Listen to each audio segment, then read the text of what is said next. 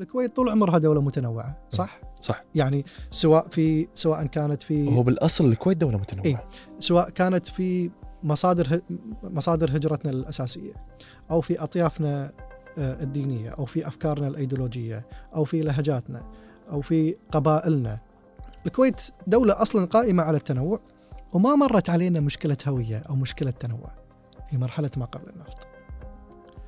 المشكلة اللي إحنا نعتقد إنها اليوم موجودة هي ليست بسبب تعددنا هي بسبب استخدام هذا التعدد في تفتيت فئات المجتمع لمصلحة بعض الأطراف في تف... في تفريق وتمزيق المجتمع. م.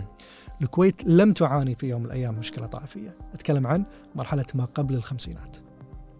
أتكلم عن مشكلة مشكلة حقيقية تهدد كيان المجتمع ووجود المجتمع.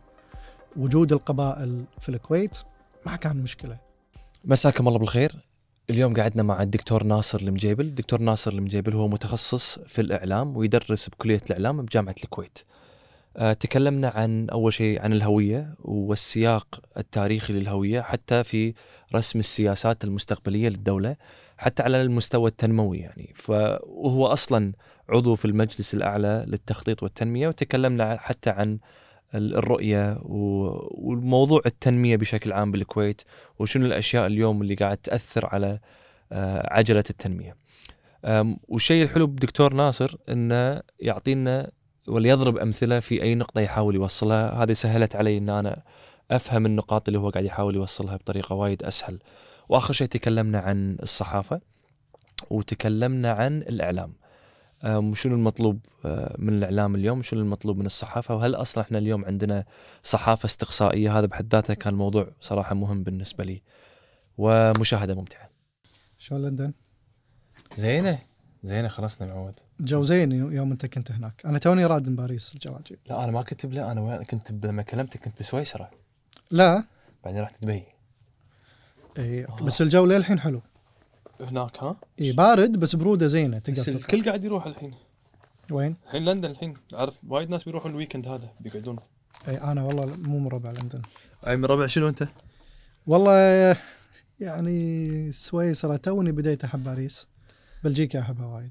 بلجيكا إيش معنى بلجيكا؟ ال small towns اللي هناك أنا أحب المدن القديمة ما أحب آه، كذي big cities يعني نيويورك ما أروح لها. ما تحب نيويورك؟ لا. فبلجيكا وايد عندهم هالنوع. بلجيكا وسويسرا عندهم كذي هذه المدن القديمة. أسكن فيها يعني تروح متاحف؟ أروح. بس أروح art galleries أكثر. art galleries شنو شنو تحب ال art galleries؟ آه، أكثر شيء منحوتات لوحات أنتيك. أنا لقط كذي خلاجين. صدق؟ شنو آخر شيء لقطته؟ والله توني شاري لوحة من باريس. ويوم رحت سويسرا وباريس شريت زل. زل قديم كله vintage آه زل. إي أنا مكتبي بالجامعة في ست قطع زل شي فوق بعض. صدق خوش هوايه هذه. عيل تعرف آه، يعني الزل الإيراني ليش ثمين ولا ليش؟ في أكثر من شيء، الشيء الأول تكنيك بالخياطة. يعني مرات تلقى قطع نفس العمر بس هذه فيها تكنيك صعب فيكون سعرها أغلى. الشيء الثاني مكانها الجغرافي. النقوش على السجاد هي تدل على البقعة الجغرافية اللي كانت فيها. فإذا كانت هذه هذا المكان كان فيه حضارة أو كان فيه إمبراطورية أو كان فيه في قصة تصير سعرها وايد غالي. آه فلا الإمارات تلقى قطعتين ثنتينهم عمرهم 200 سنة بس واحدة ب 10000 دينار وواحدة ب 500 بس بسبب المكان اللي كانت فيه. بهالوقت. بهالوقت. آه فالموضوع شوية اي لا لا أنا شايف قطع على 150 ألف دينار وقطع تشوفها قطع سجادة عادية. هذه ما هذه ما هذه ما تبي تدوس عليها هذه. تعلقها بس هواية مكلفة. مساك الله بالخير. مساك الله بالنور. يعطيك العافية أبو بدر. الله يعافيك. أبو بدر اليوم إحنا ودنا نتكلم أكثر في يعني إحنا مو كل يوم يمر علينا شخص متخصص في الإعلام ولا عنده نظرة أكاديمية للإعلام. ونفس الوقت تكون عنده خبرة في آه، التنمية أو في رسم خطط آه، فيما يخص التنمية يعني فودنا إحنا نتكلم عن هالإطار العام وندش في مواضيع معينة إحنا تهمنا وأنت ممكن تعرف عنها أكثر. بس أنت وأنا أسولف معك قلت لي وايد مهم أول شيء نعرف الهوية قبل ما ندش بأي موضوع. فنبي نعرف آه، ليش موضوع الهوية مهم إن نعرفه قبل ما ندش في في الإعلام ولا حتى التنمية آه، التنمية في عالمنا العربي بشكل عام بالكويت بشكل خاص قاعدة تواجه تحديات وايد.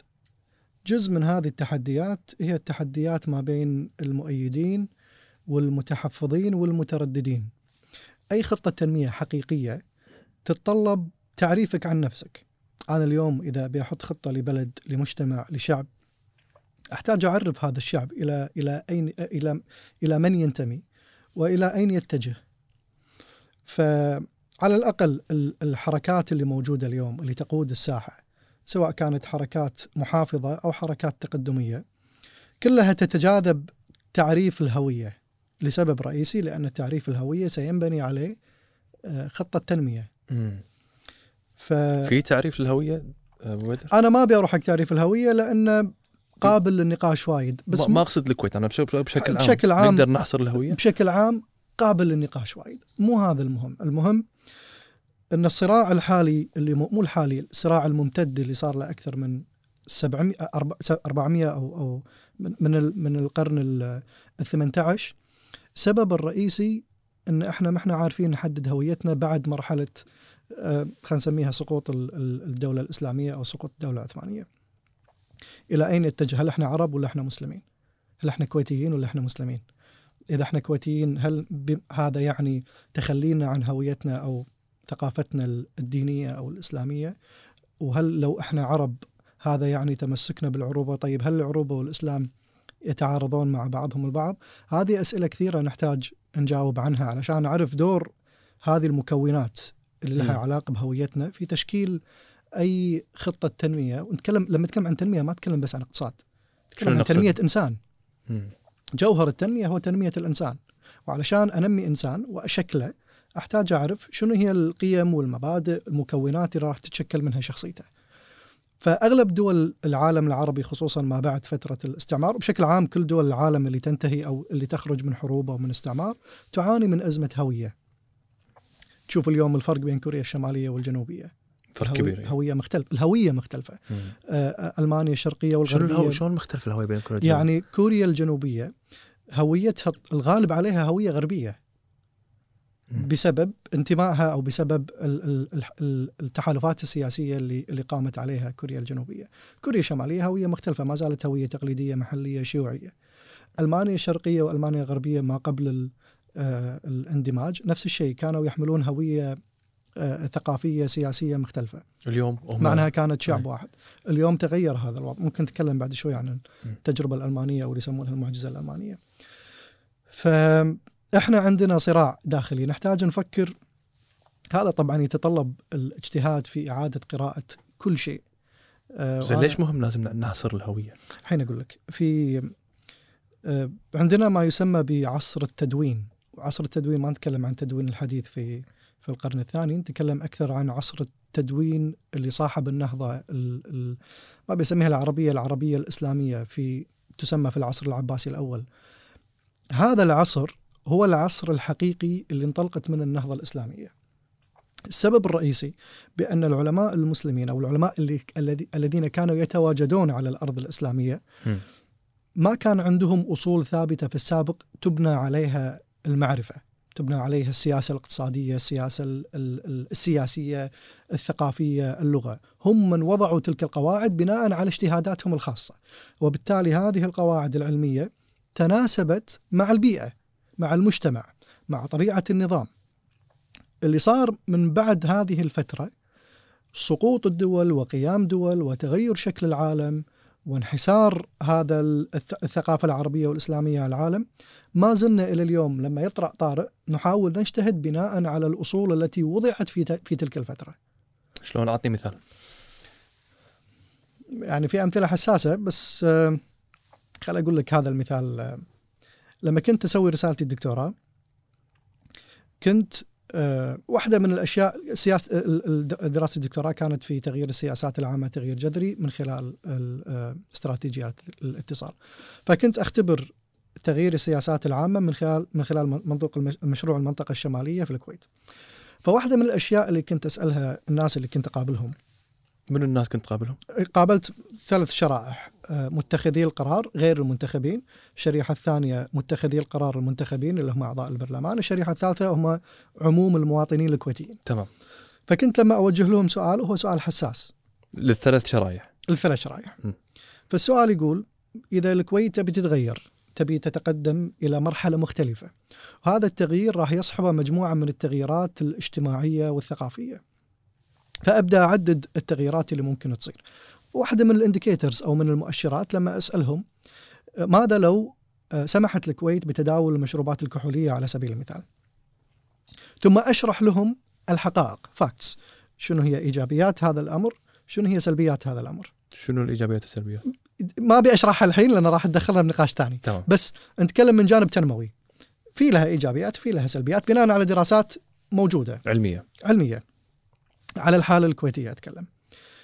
فالاستطلاعات اللي تمت في السابق بأن ش... إن الشريحة الكبرى من الناس ترفض هذا الأمر حتى وإن كانوا آه، آه، يعني يتعاطون المشروبات الكحولية. حتى وإن كانوا يتعاطون المشروب لكن استطلاعات الرأي بشكل عام ما تعطينا ما تجاوبنا عن السبب ما تجاوبنا عن الدوافع. لكن كان الهدف من الدراسة أن أنا ما أبي أعرف رأي الناس أبي أعرف دوافع الناس ليش الناس تتخذ هذا القرار أو تتخذ هذا الموقف من قضية ما؟ زين.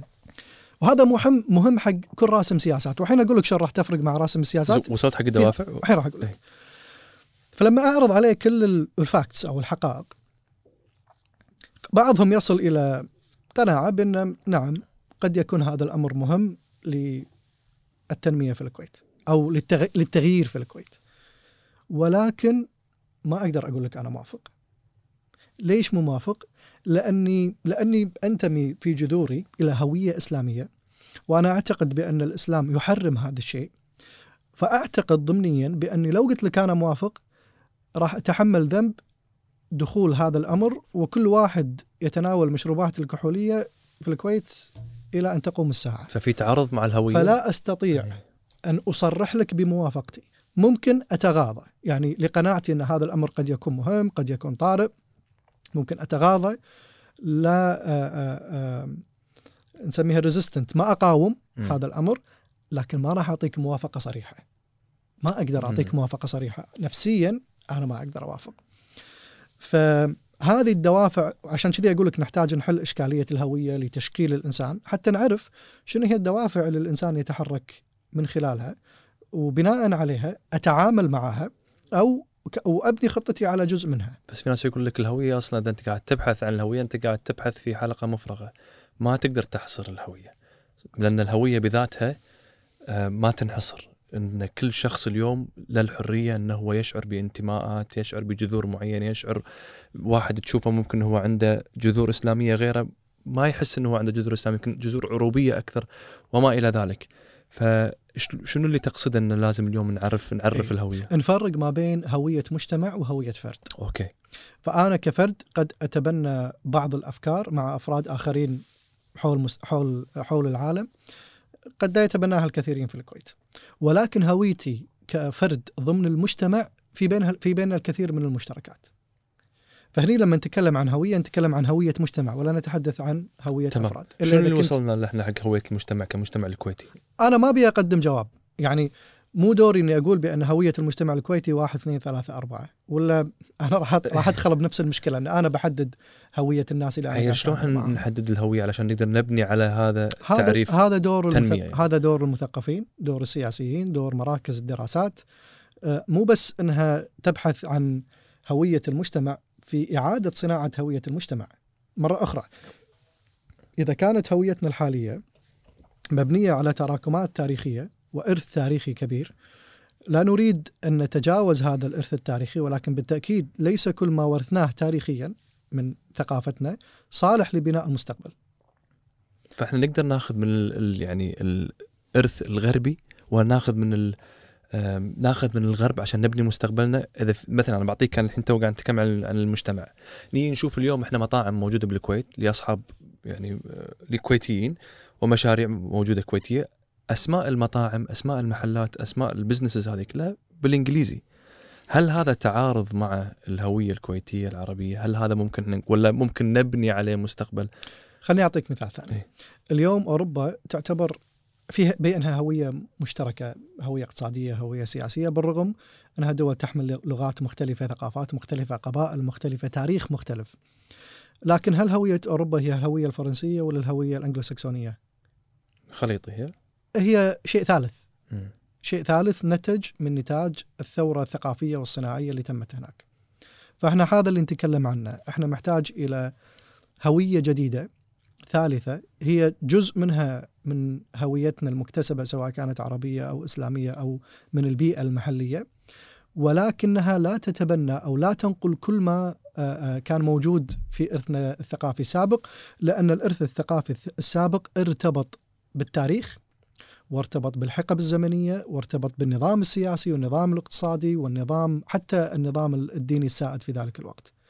فحتى اليوم اجتهاداتنا السياسية والاقتصادية والدينية اليوم مرتبطة بالحالة العامة. فمن غير المعقول بعد 200 سنة لما أجي أبني خطة جديدة وأرسم هوية جديدة للمجتمع أن أبنيها على ما كان سائد قبل 200 سنة من ثقافة. فهمت. الحين لما نتكلم عن الشوارع والمناطق يعني أول الكويت كانت يعني في فرق اليوم بين تسمية المناطق بذاك الوقت وتسمية المناطق اليوم. هل هذا تغيير بالهوية؟ نوعا ما ولا على الأقل في هو في الهوية المعمارية في هوية الشوارع. ممكن يعني الكويت في في بداية النهضة ارتبطت بشكل كبير بالتراث العربي والتراث الإسلامي. فتشوف أسماء المدارس المناطق الشوارع لها ارتباط في في محيطها في تاريخها. آه، يمكن اليوم هذا تغير خصوصا في فترة ما بعد الغزو. أصبحت الكويت أكثر آم، ما أقول منغلقة محليا لكن تركز أكثر على الجانب ال- أو الهوية الداخلية الهوية المحلية مم. آه، للدولة بالتأكيد هذا تغيير كبير صار في هويتها يمت- يمكن جبت آه، طاري العمران أي. وأسألك هل اليوم الكويت عندها هوية معمارية؟ ما في لا زين هل كان عندنا هوية معمارية؟ إلى حد كبير كان عندنا ليش اندثرت هذه الهوية؟ يعني كنت أروح فيلتشا رحت فيلچا زرت فيلچا قبل سنة وشفت لا في هوية معمارية في فيلتشا ليش. اندثرت هذه الهوية المعمارية؟ ما أدري أسألك أنت ليش اندثرت؟ أنا أنا أعتقد إحنا ما حافظنا على على هذا الإرث المعماري وأعتقد جزء منه بأن هذا الإرث المعماري قد لم لا يتناسب مع احتياجات الأسرة والعائلة في في فترة ما بعد النفط وبالتالي قررت الناس إنها تغير التصاميم ولكن الدولة ما اهتمت بهذه الهوية.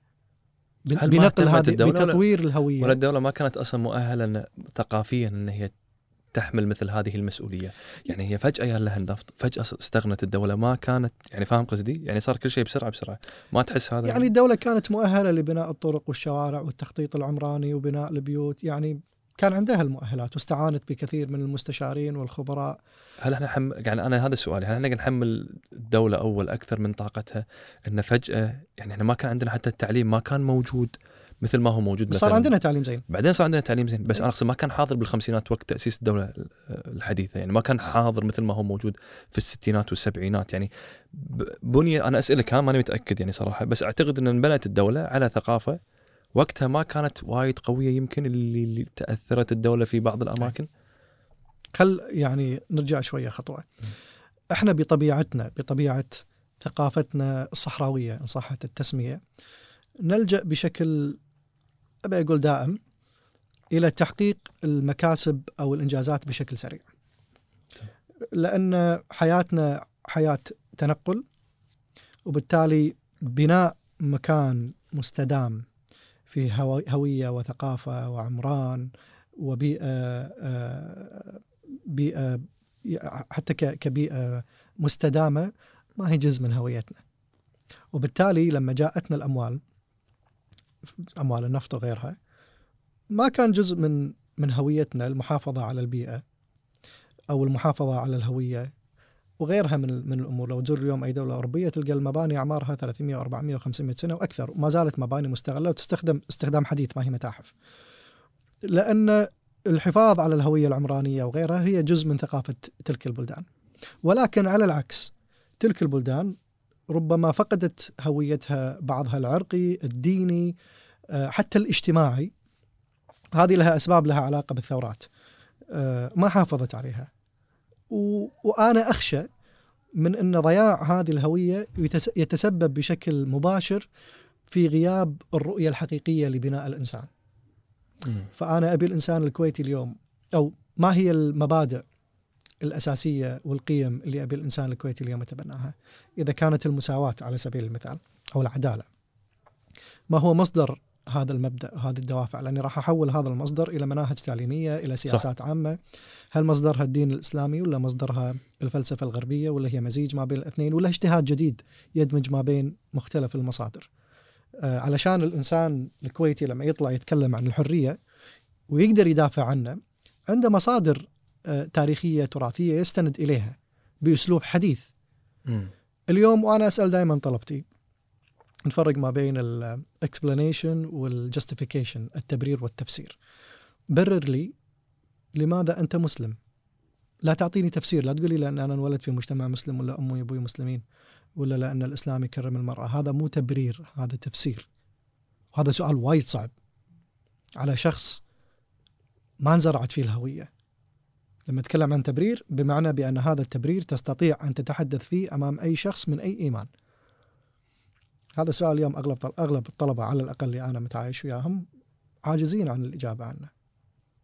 ونفس الشيء نقدر يعني نعكسها على أنت أنت ليش عربي؟ أبي تف... أبي تبرير ما أبي تفسير. نفس الشيء لما نتكلم عن كثير من العلماء المسلمين اللي ساهموا في النهضة الإسلامية في في الحقب التاريخية المختلفة إحنا نعرفهم انهم عرب لكن في الحقيقة هم ما هم عرب. هم عاشوا في دولة عربية تعلموا اللغة العربية وطوروا النهضة من من لغة العرب فهل هذا عربي ولا مو عربي؟ أبو الأسود الدؤلي صاحب من وضع قواعد النحو ليس عربي يعني ما هو ما هو ما هو عربي فهل كل واحد تواجد على أرض الكويت لفترة زمنية معينة نعتبره كويتي؟ هذا سؤال وايد مهم تنبني عليه سياسات يعني لما لما تقول مثلا تسفير اللي اللي عمره تجاوز 60 عام قرار يطلعوا اللغة. إذا شخص عايش في الكويت مواليد الكويت يعني هو 60 سنة عايش في الكويت شنو هي هويته؟ انتماء لوين؟ إذا بيرجع بلده هل هو عنده انتماء إلى هذا البلد؟ طيب سياساتنا راح تبنى على شنو في التعامل مع مثل هذه القضايا؟ آه، التعامل مع المهاجرين مع الوافدين. إذا شخص وفد إلى الكويت وعاش في الكويت خمسين سنة هل أشوفه وافد؟ هل الهجرة بحد ذاتها أمر ينتقص من مواطنة الإنسان؟ لأن في تراثنا الإسلامي الهجرة كانت أحد المبادئ اللي شجع عليها الإسلام لما الرسول أشار إلى الصحابة في الهجرة إلى الحبشة ثم هاجر هو إلى المدينة وفي الهجرة آخى ما بين المهاجرين والأنصار والأنصار رحبوا بالمهاجرين وتقاسموا معاهم الثروات وتم بناء دولة حديثة ووضع دستور ينظم العلاقة ما بين مختلف أطياف المجتمع إذا فالهجرة يبدو أنها حق من حقوق الإنسان حق مكتسب يستطيع الإنسان تغيير أرضه من مكان إلى مكان بحثا عن حياة كريمة. بناء على هذا التراث كيف نحول هذا التراث إلى سياسة ننتمي لها. واليوم لو تدخل أي ديوانيه وتسأل الناس عن فكرة قبول المهاجرين أو فكرة التعامل مع الوافدين تعامل مختلف عن التعامل الحالي، نتكلم عن التعامل في إقاماتهم ومعيشتهم. راح تسمع أصوات مختلفة جدا، تنوع لا يكاد يعني آه، آه، يتفق على أي يعني على أي شيء. السبب الرئيسي بأن فقدنا هذا العنصر عنصر الهوية اللي المزروعة في الإنسان واللي ينطلق منها. لو تشكلت هوية مشتركة بين المجتمع يكون بناء السياسات وايد أسهل، يكون بناء الخطط وايد أسهل، فأنا اليوم لما أبي أنظم عملية استوطان الوافدين أو دخول الوافدين أو التعامل مع الأجانب، وأنا مثال التعامل مثلا مع العمالة المنزلية في تغيير قوانين العمالة المنزلية. راح يكون وايد أسهل لما الناس تشترك معي في في هذه في هذه الثقافة في هذه الخطة. شلون يكون شلون نخلي الناس تشترك؟ شلون نشكل هذه الهوية؟ التعليم. بشكل رئيسي التعليم ثم الإعلام. فأنا اليوم ما أقدر أزرع في الناس قيمة بدون ما يكون عندي أدوات. فأحد أهم أدواتي هي التعليم والآن أصبح الإعلام، أصبح الإعلام هو جزء من أدوات التعليم أصلا. مم. فهذا فيما يتعلق في الهوية من أجل التنمية. تمام الحين علشان نكفل موضوع الهوية آه البدون شلون ممكن نتعامل مع قضية البدون في ظل تعريف الهوية الكويتية؟ السؤال اللي يسبق هذا السؤال ستيتلس أو بدون أو الناس اللي بدون آه، آه، هوية وطنية تبي تتكلم عن الحالة الكويتية ولا نتكلم بشكل عام؟ بشكل عام علشان حتى الكل يستفيد زين. كل الدول أو أغلب الدول المدنية الحديثة وضعت نظام للتعامل مع المهاجرين، مهاجرين غير الشرعيين أتكلم. فاليوم لو مهاجر غير شرعي يدخل إلى أستراليا هناك نظام يتعامل مع النظام الأسترالي مع هذا المهاجر، ليس من ضمنها حسب علمي إعادة تسفيره أو إبعاده، خصوصا في الغالب ما راح تكون معه وثائق. ولكن يصير في نظام لإعادة توطينهم ليش؟ لأنهم يعتبرون بأن حق من حقوق الإنسان أن ينتقل من مكان إلى مكان لتحسين ظروفه. وواجبهم كدول متقدمة آه، ممارسة هذا الدور في تحسين حياة الناس في تحسين حياة الآخرين، طبعا إضافة إلى بس الفرق إنهم مو دول ريعية يعني الحين أقول لك إضافة إلى ذلك بأن هذه الدول تستفيد من وجود عمالة جديدة تستفيد من وجود ثقافة جديدة يضيفها هؤلاء المهاجرين إلى إلى المجتمع. فالمشكلة الرئيسية لأن أنت قلت هم مو دول دول ريعيه فمشكلتنا الرئيسية مو مع مشكلة التوطين أو مشكلة الهوية صح؟ صح. مشكلة اقتصادية. يعني يعني سمها اللي بتسميها بس في ناس تشوف المشت... يعني أنا أكلمك مو كلامي أنا هذا يقولون إنه والله الجنسية الكويتية مكلفة. صح. وأنا اليوم كنت قاعد أشوف لقاء ل يعني شخص قبل يمكن خمس سنين أربع سنين طالع بلقاء يقول الجنسية الكويتية صح. مكلفة. مكلفة. وأنا ما حبيت الكلام هذا لأنه هو ينظر للجنسية الكويتية بنظرة مادية. وهذا وهذه هذا جزء من هذه زاوية من زوايا النظر إلى إلى المواطنة. أي. وإن لها تكلفة اقتصادية، لكن اليوم لو صارت افترضنا أن الكويت تحولت فجأة إلى دولة رأسمالية شبيهة بالولايات المتحدة الأمريكية. فالجنسية فعليا مكلفة على على المواطن. لأنك بتدفع ضريبة بتت يعني أنت يعني راح يصير في راح يصير في إيه عملية انت راح تتشارك إيه. مع المواطنين إيه. في عملية آه، آه، بناء هذه الدولة من من مالك الخاص. يعني إذا أنت ما اشتغلت راح تصير مكلفة عليك بس إذا اشتغلت تفت الدولة الدولة تستفيد وأنت تستفيد هذا العقد الاجتماعي اللي بأمريكا يعني ي- ي- تقريبا بس يعني طبعا نسبة ال- أو النسبة اللي الناس تدفعها للدولة نسبة كبيرة مم. كل ما زاد دخلك كل ما دفعت زيادة صح. فالكلام اليوم لو الكويت أصبحت دولة راسماليه بمعنى وفيها نظام ضريبي هل راح نقبل ب بفكرة التجنيس؟ ممكن نقبل نقبل أكثر قصدك أنت؟ إحنا ما عندنا فكره ما عندنا تجنيس أصلا يعني ما عندنا ما عندنا جداول سنوية إحنا نجنس فيها وافدين؟ ما عندنا. آه قصدك وافدين. في في مو في أعمال جليلة؟ لا لا أنا أقصد إيه. عندنا تجنيس آه، آه، ما بيقول عشوائي لكن تجنيس اختياري. اي بس أنا أقصد في حال إذا كان التجنيس مفيد ماديا للدولة هل نقبل فيه؟ يعني هل سيقبل فيه الناس أكثر ولا لا؟ إذا قبل فيه الناس أكثر معناته مشكلتنا الرئيسية مو مع مشكلة الهوية، الناس ما عندها مشكلة مع هوية الدولة، الناس عندها مشكلة في تقاسم ال- المواطنين الجدد الثروة اللي موجودة في الكويت. هم. هم يعتقدون إنه هم راح يأثرون على هوية الدولة هذا موضوع ثاني بس خلينا نتفق على الجزء إيه، الأول. هذا خلينا نقول إذا هم أصلا غير مستحقين. يعني إيه فنتفق على الجزء الأول. اللي هو بأن التكلفة المادية هل إذا كان ال- المتجنس أو الوافد آه، أو المستوطن الجديد.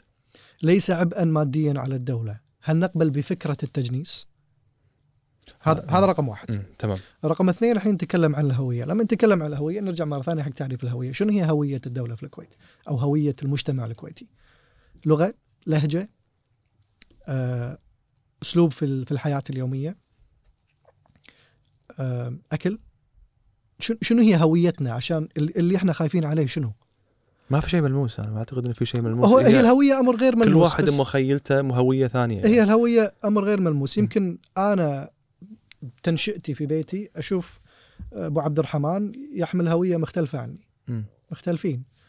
زين ما الضرر في وجود أكثر من هوية في مجتمع واحد؟ ولما أتكلم عن هوية بحاول أجمع بعض الصفات. لهجات مختلفة. أبي أفترض لغات مختلفة. أبي أفترض خايفين على الأرث الكويتي. إي أبي أفترض بعد لهجات آه، آه، آه، لغات مختلفة.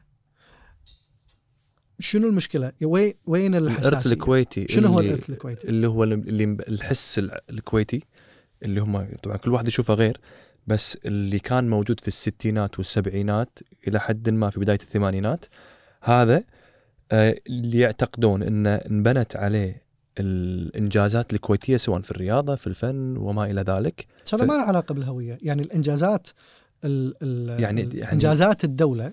مو مرتبطة بهوية الدولة. يعني الطرابلسي أعظم حارس في تاريخ الكويت ما كان كويتي أو يعني كان حديث التجنيس. ما له علاقة بهويته هويته ما ما لها دور في في بالعكس هويته ساهمت في بس مو الهوية اللي تنبني عليها التنمية تنبني عليها المشاريع. إيه الهوية المشتركة الهوية المشتركة الهوية المشتركة بين. وهذه إذا ت... هم يخافون إن هذه إذا تغيرت المشاريع ما راح تنبني يعني إذا صار عندنا وهذا اللوم اللي قاعد يصير إذا صار اليوم. عندنا لهجات مختلفة أو ثقافات مختلفة شنو هي مشاريعنا اللي بتعطل؟ أنا ما أش... أنا شخصيا ما أشوف في مشاريع راح تعطل. أنا أعتقد من وجهة نظري التنوع إيه. الثقافي في أي مجتمع يزيد من قبول المجتمع لفكرة الاختلاف يضيف للمجتمع منظور جديد في النظرة إلى الحياة. آه، إذا سافرنا وشفنا كثير من الجنسيات مثلا الآسيوية لما تروح الولايات المتحدة الأمريكية شنو تضيف لها من قيمة مضافة من هوية لها علاقة في المجتمع؟ إحنا نفتقد هذا الأمر. فالتنوع مصدر قوة بالأصل. التنوع الأصل فيه إنه هو مصدر قوة إلا إذا استخدم التنوع في تفتيت المجتمع. هذا ما يحصل اليوم الكويت؟ الكويت طول عمرها دولة متنوعة صح؟ صح. يعني سواء في سواء كانت في هو بالأصل الكويت دولة متنوعة. إيه. سواء كانت في مصادر مصادر هجرتنا الأساسية أو في أطيافنا آه، الدينية أو في أفكارنا الأيديولوجية أو في لهجاتنا أو في قبائلنا. الكويت دولة أصلا قائمة على التنوع وما مرت علينا مشكلة هوية أو مشكلة تنوع في مرحلة ما قبل النفط. المشكلة اللي إحنا نعتقد إنها اليوم موجودة هي ليست بسبب تعددنا هي بسبب استخدام هذا التعدد في تفتيت فئات المجتمع لمصلحة بعض الأطراف في تف... في تفريق وتمزيق المجتمع. مم. الكويت لم تعاني في يوم من الأيام مشكلة طائفية، أتكلم عن مرحلة ما قبل الخمسينات. أتكلم عن مشكلة مشكلة حقيقية تهدد كيان المجتمع ووجود المجتمع. وجود القبائل في الكويت ما كان مشكلة في في مر... في في تاريخ الكويت. وجود عوائل تجارية ومختلف القبائل والعوائل. ما سمعت؟ يعني سمعت لا لا لا على لا الأقل كان, من كان عندنا الدكتور أسبوع طاف الدكتور عبد الرحمن الإبراهيم كان يسولف عن التنوع, التنوع اللي كان موجود وليش مهم اليوم إحنا نوثق هذا التنوع بحيث إنه هم يساعدنا ممكن ممكن هو ما قالها بصريح العبارة لكن يمكن فهمت أنا اليوم. ففكرة الخوف من الآخر هي فكرة مستحدثة على المجتمع الكويتي. ما هي فكرة موجودة في ثقافة المجتمع الكويتي. عمرنا ما كنا نخاف من الآخر. الكويت كانت مصدر للاستيطان. استيطان مختلف العقول. يعني صالح الكويتي كويتي. وهو صالح الكويتي اللي قصدك اللي يعزف إي عراقي. بس إحنا سميناه الكويتي. إحنا إحنا رغبة في أن نجذبه للانتماء إحنا أطلقنا عليه صالح الكويتي لأنه صاحب إنجازات لها علاقة بالفن والموسيقى. فاحنا ما كان عندنا مشكلة في قبول آخرين انهم يجون كثير من الفنانين الكويت مثقفينها وادباء شنو اللي كان موجود أول مو موجود اليوم؟ أنا أعتقد بأن مرحلة ما بعد النفط ومرحلة ظهور صراع سياسي جديد ما كان موجود في السابق أحد الأدوات التي تم استخدامها للتعامل مع هذا الصراع السياسي هو التفريق بين الناس. الاستخدام فئات المجتمع المختلفة لدعم فئة آه، آه، عن عن فئة أخرى. وأعتقد الفكرة واضحة واضحة إي وايد. إنزين آه، أبو بدر أنت الحين اشتغلت في ولا لا- زلت آه، بالتكليف عضو مجلس أعلى للتخطيط والتنمية.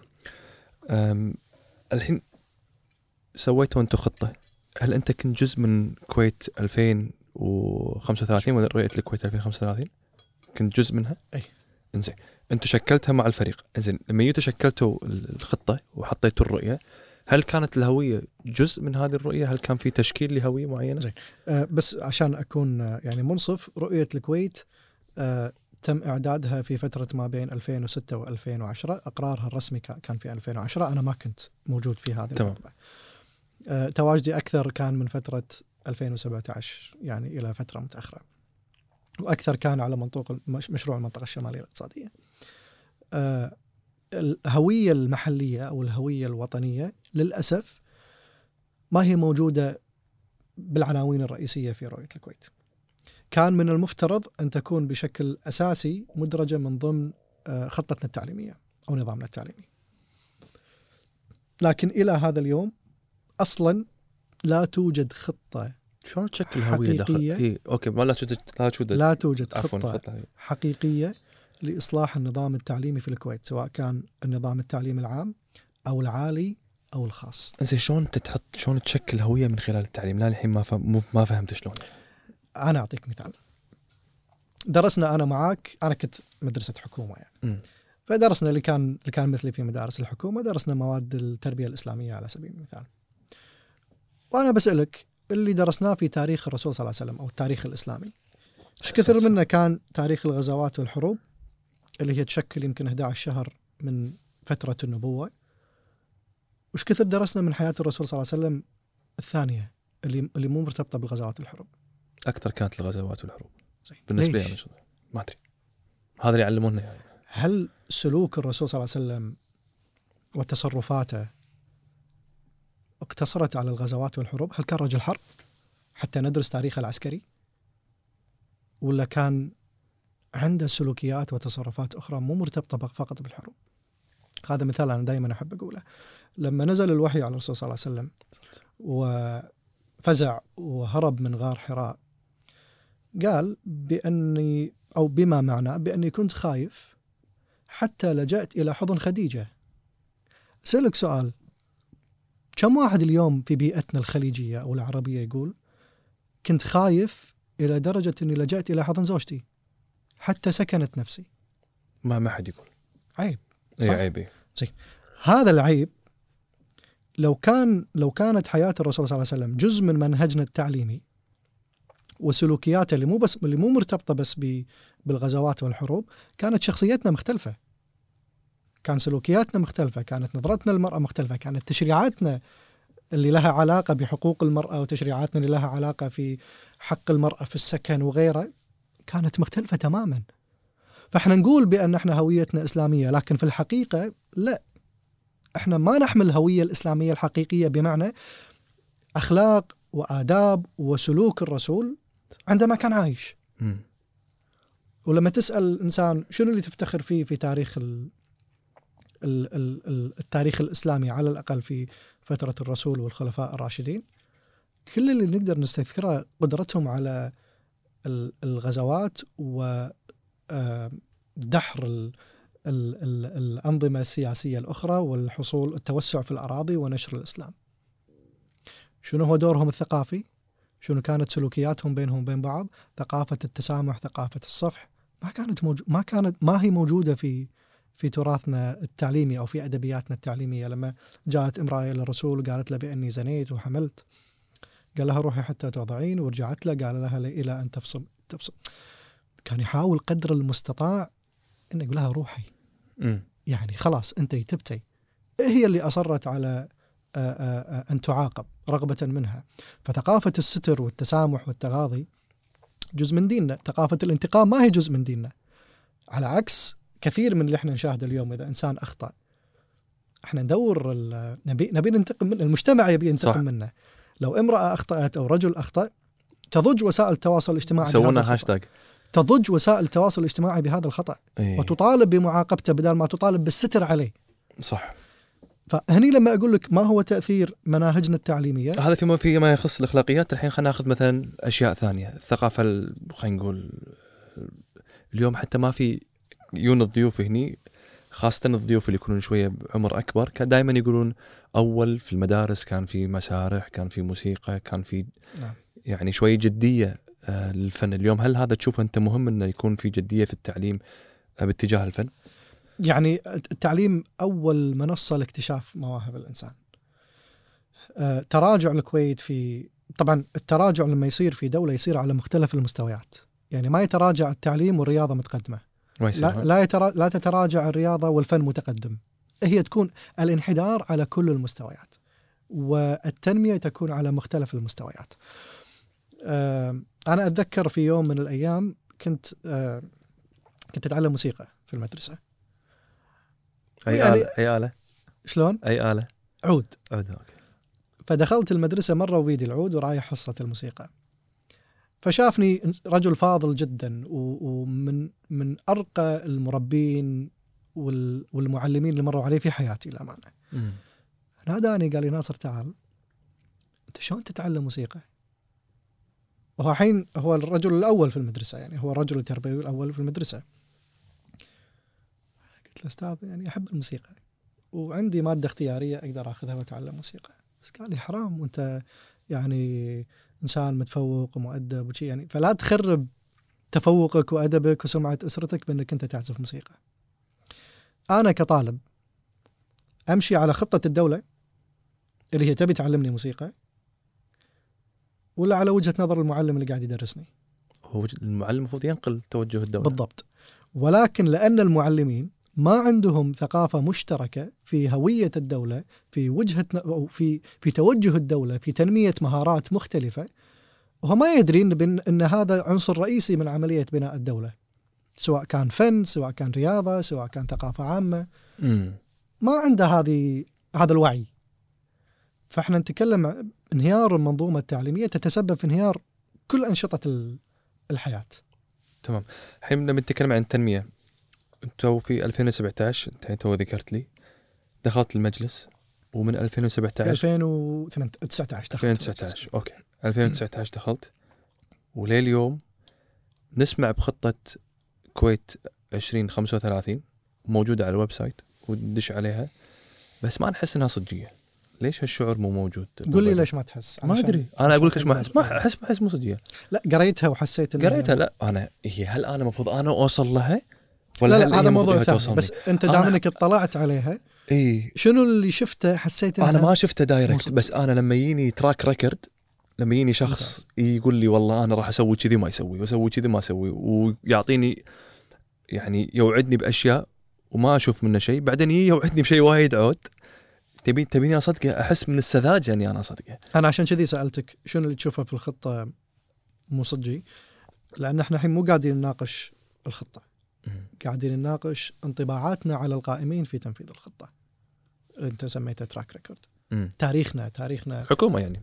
تاريخنا مو بس حكومة كل مؤسسات الدولة من ضمنها البرلمان يعني هي عملية مشتركة. إي بس أنا أقصد الدور التنفيذي. ال ال من يحمل مسؤولية أكبر يتحمل مس من يحمل صلاحيات أكبر يتحمل مسؤولية أكبر. تمام. فإذا كان الجانب التنفيذي عند الحكومة بالتأكيد هي المسؤول هي المسؤول الأول عنه فلما أنت تقول في track record. حق الدولة في في الفشل في تنفيذ المشاريع أنا ما ألومك. وهذا يمكن جزء من اللي أنا درسته في في رسالتي الدكتوراه اللي هي قضية ال trust trust trust and power هذا مصطلح معروف في السياسة والإقتصاد. ال- الثقة مرتبطة دائما بالقوة بمعنى من يحمل ثقة الناس يتمتع بالقوة حتى وإن ما كان عنده سلطة. والعكس من يفتقد ثقة الناس آه، تنسحب منه القوة وإن كان يمتلك السلطة. ثقة الناس هي المحرك هي الوقود الرئيسي لأي شخص ولأي سلطة. إذا امتلكت ثقة الناس تستطيع قيادة بلد حتى بدون قوانين حتى بكسر القوانين. ما دامت الناس تثق فيك. فاليوم وأنا أعطيك مثال لما طلعنا مثلا في مشروع المنطقة الشمالية الاقتصادية صار في زخم شعبي عليها صار في زخم إعلامي عليها. مع أن علما بأن هذا المشروع هذه الخطة الناس ما شافت تفاصيلها يعني تفاصيلها الفنية الناس ما طلعت عليها بعض المتخصصين يمكن. خطة التنمية موجودة في الإنترنت. صح. بس ليش الناس تفاعلت مع مشروع المنطقة الشمالية الاقتصادية اللي كنا نسميه الحرير؟ وما ما صاحب رؤية الكويت هذا التفاعل الإيجابي أنا ما أدري أنا بالي هذه نفسها هذه لا عشان أكون صريح معك مشروع المنطقة الشمالية الاقتصادية هو أحد مشاريع الرؤية الرؤية أوكي السبب الرئيسي أن الناس تثق بالشخص اللي يقف خلف هذا المشروع. الله يرحمه كان الشيخ ناصر صباح الأحمد. الناس تثق بالثقه في خص- خصوصا في الدولة في لها ثلاث أقسام. ability اللي هي القدرة تثق بقدراتك. integrity تثق بأمانتك. ثم تثق بقدرتك على تحقيق الباور، قدرتك على تحقيق هذه الخطط وهذه الرؤى. إذا استطعت إقناع الناس بالثلاث ستستطيع تنفيذ أي شيء. أو تكسب ثقتهم على الأقل تكسب ثقتهم بالتالي تمتلك القوة بالتالي تستطيع تنف... تستطيع آه، إنفاذ خطتك. فهذه الرؤية أنا قاعد أقول لك هذه الخط هذا المشروع مقارنة ب برؤية الكويت صاحب زخم إيجابي ردة فعل إيجابية من الناس على الرغم ان الناس ما تعرف تفاصيله. كاملة. رؤية الكويت موجودة على الإنترنت والناس تقدر تطلع على كل تفاصيلها والحكومة صار لها 20 سنة تتكلم عنها مع ذلك أنا أعتقد بأن أغلب ردود الفعل سلبية على رؤية الكويت. أول شيء ثقة الناس بالقائد اللي يقود هذه الخطة، اثنين مثل ما تفضلت ال track record. تاريخك العاجز عن تنفيذ مشاريعك السابقة بالتأكيد راح يشكل يعني أزمة كبيرة عندك في إقناع الناس. مم. يعني شلون تبي تقنعني؟ بأنك أنت تبي تبني خطة أو سكه سكة حديد أو قطار وأنت مو قادر تسفلت الشارع اللي عند باب بيتي. بالضبط.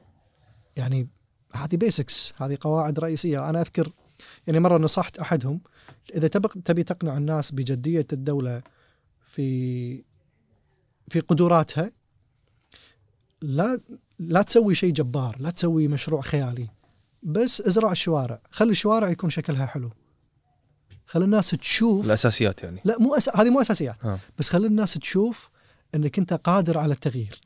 قادر على تغيير شيء ملموس. مم. والله إيه قدروا يغيرون شيء نقدر نشوفه. التغييرات اللي اللي كنا نطمح لها الناس ما شافتها ولما شافتها مثل المستشفيات الجديدة. عندنا مشكلة في تشغيل المستشفيات مثلا. مم. فحتى المستشفيات الجديدة لما اشتغلت ما حققت اللي كان من المفروض إنها إنها تحققه. في لقيت في لقاء لك مع اتحاد أمريكا وذكرت إن في مشكلة في تعاون السلطة التشريعية مع السلطة التنفيذية. لا نحمل المشاكل لأشخاص المشكلة الحقيقية في المؤسسه آه، ال system. ال system نفسه ها؟ لو افترضنا اليوم آه، فيصل العقل رئيس الحكومة.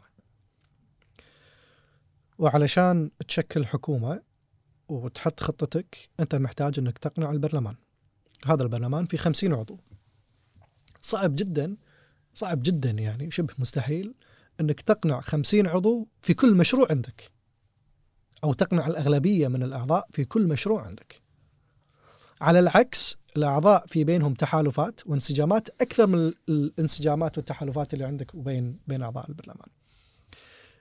ولا تستطيع حكومة أن تمارس دورها وصلاحياتها بدون وجود أغلبية نيابية عندها.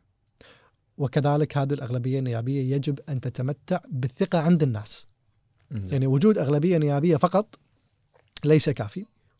مر على الكويت في تاريخها الحديث حكومات عندها أغلبية نيابية ولكن لا تحمل هذه الأغلبية النيابية ثقة عند الناس وبالتالي كذلك أنا, فشل أنا, أنا عندي مشكلة إن الحكومة تملك أغلبية نياب- نيابية وفق وفق شنو تحل يعني تكون عندها أغلبية نيابية هذا هذا يعني؟ هذا اللي الحين فاهم قصدي؟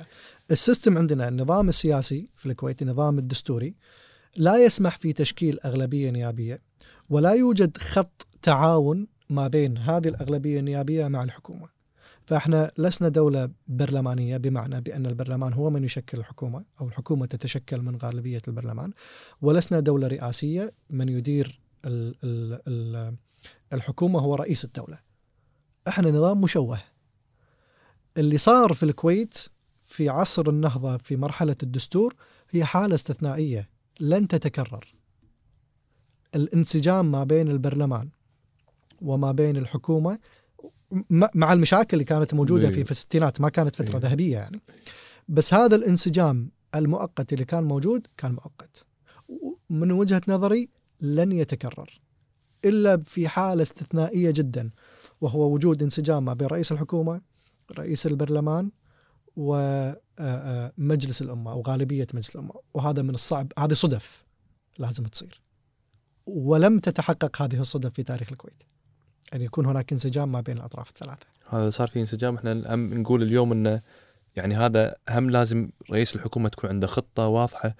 أنا للحين ما أفهم فكرة انه شلون الحكومة تأتي في أول جلسة وتحط تصور حكومي خطة وما حد ماخذها بمحمل محمل الجد.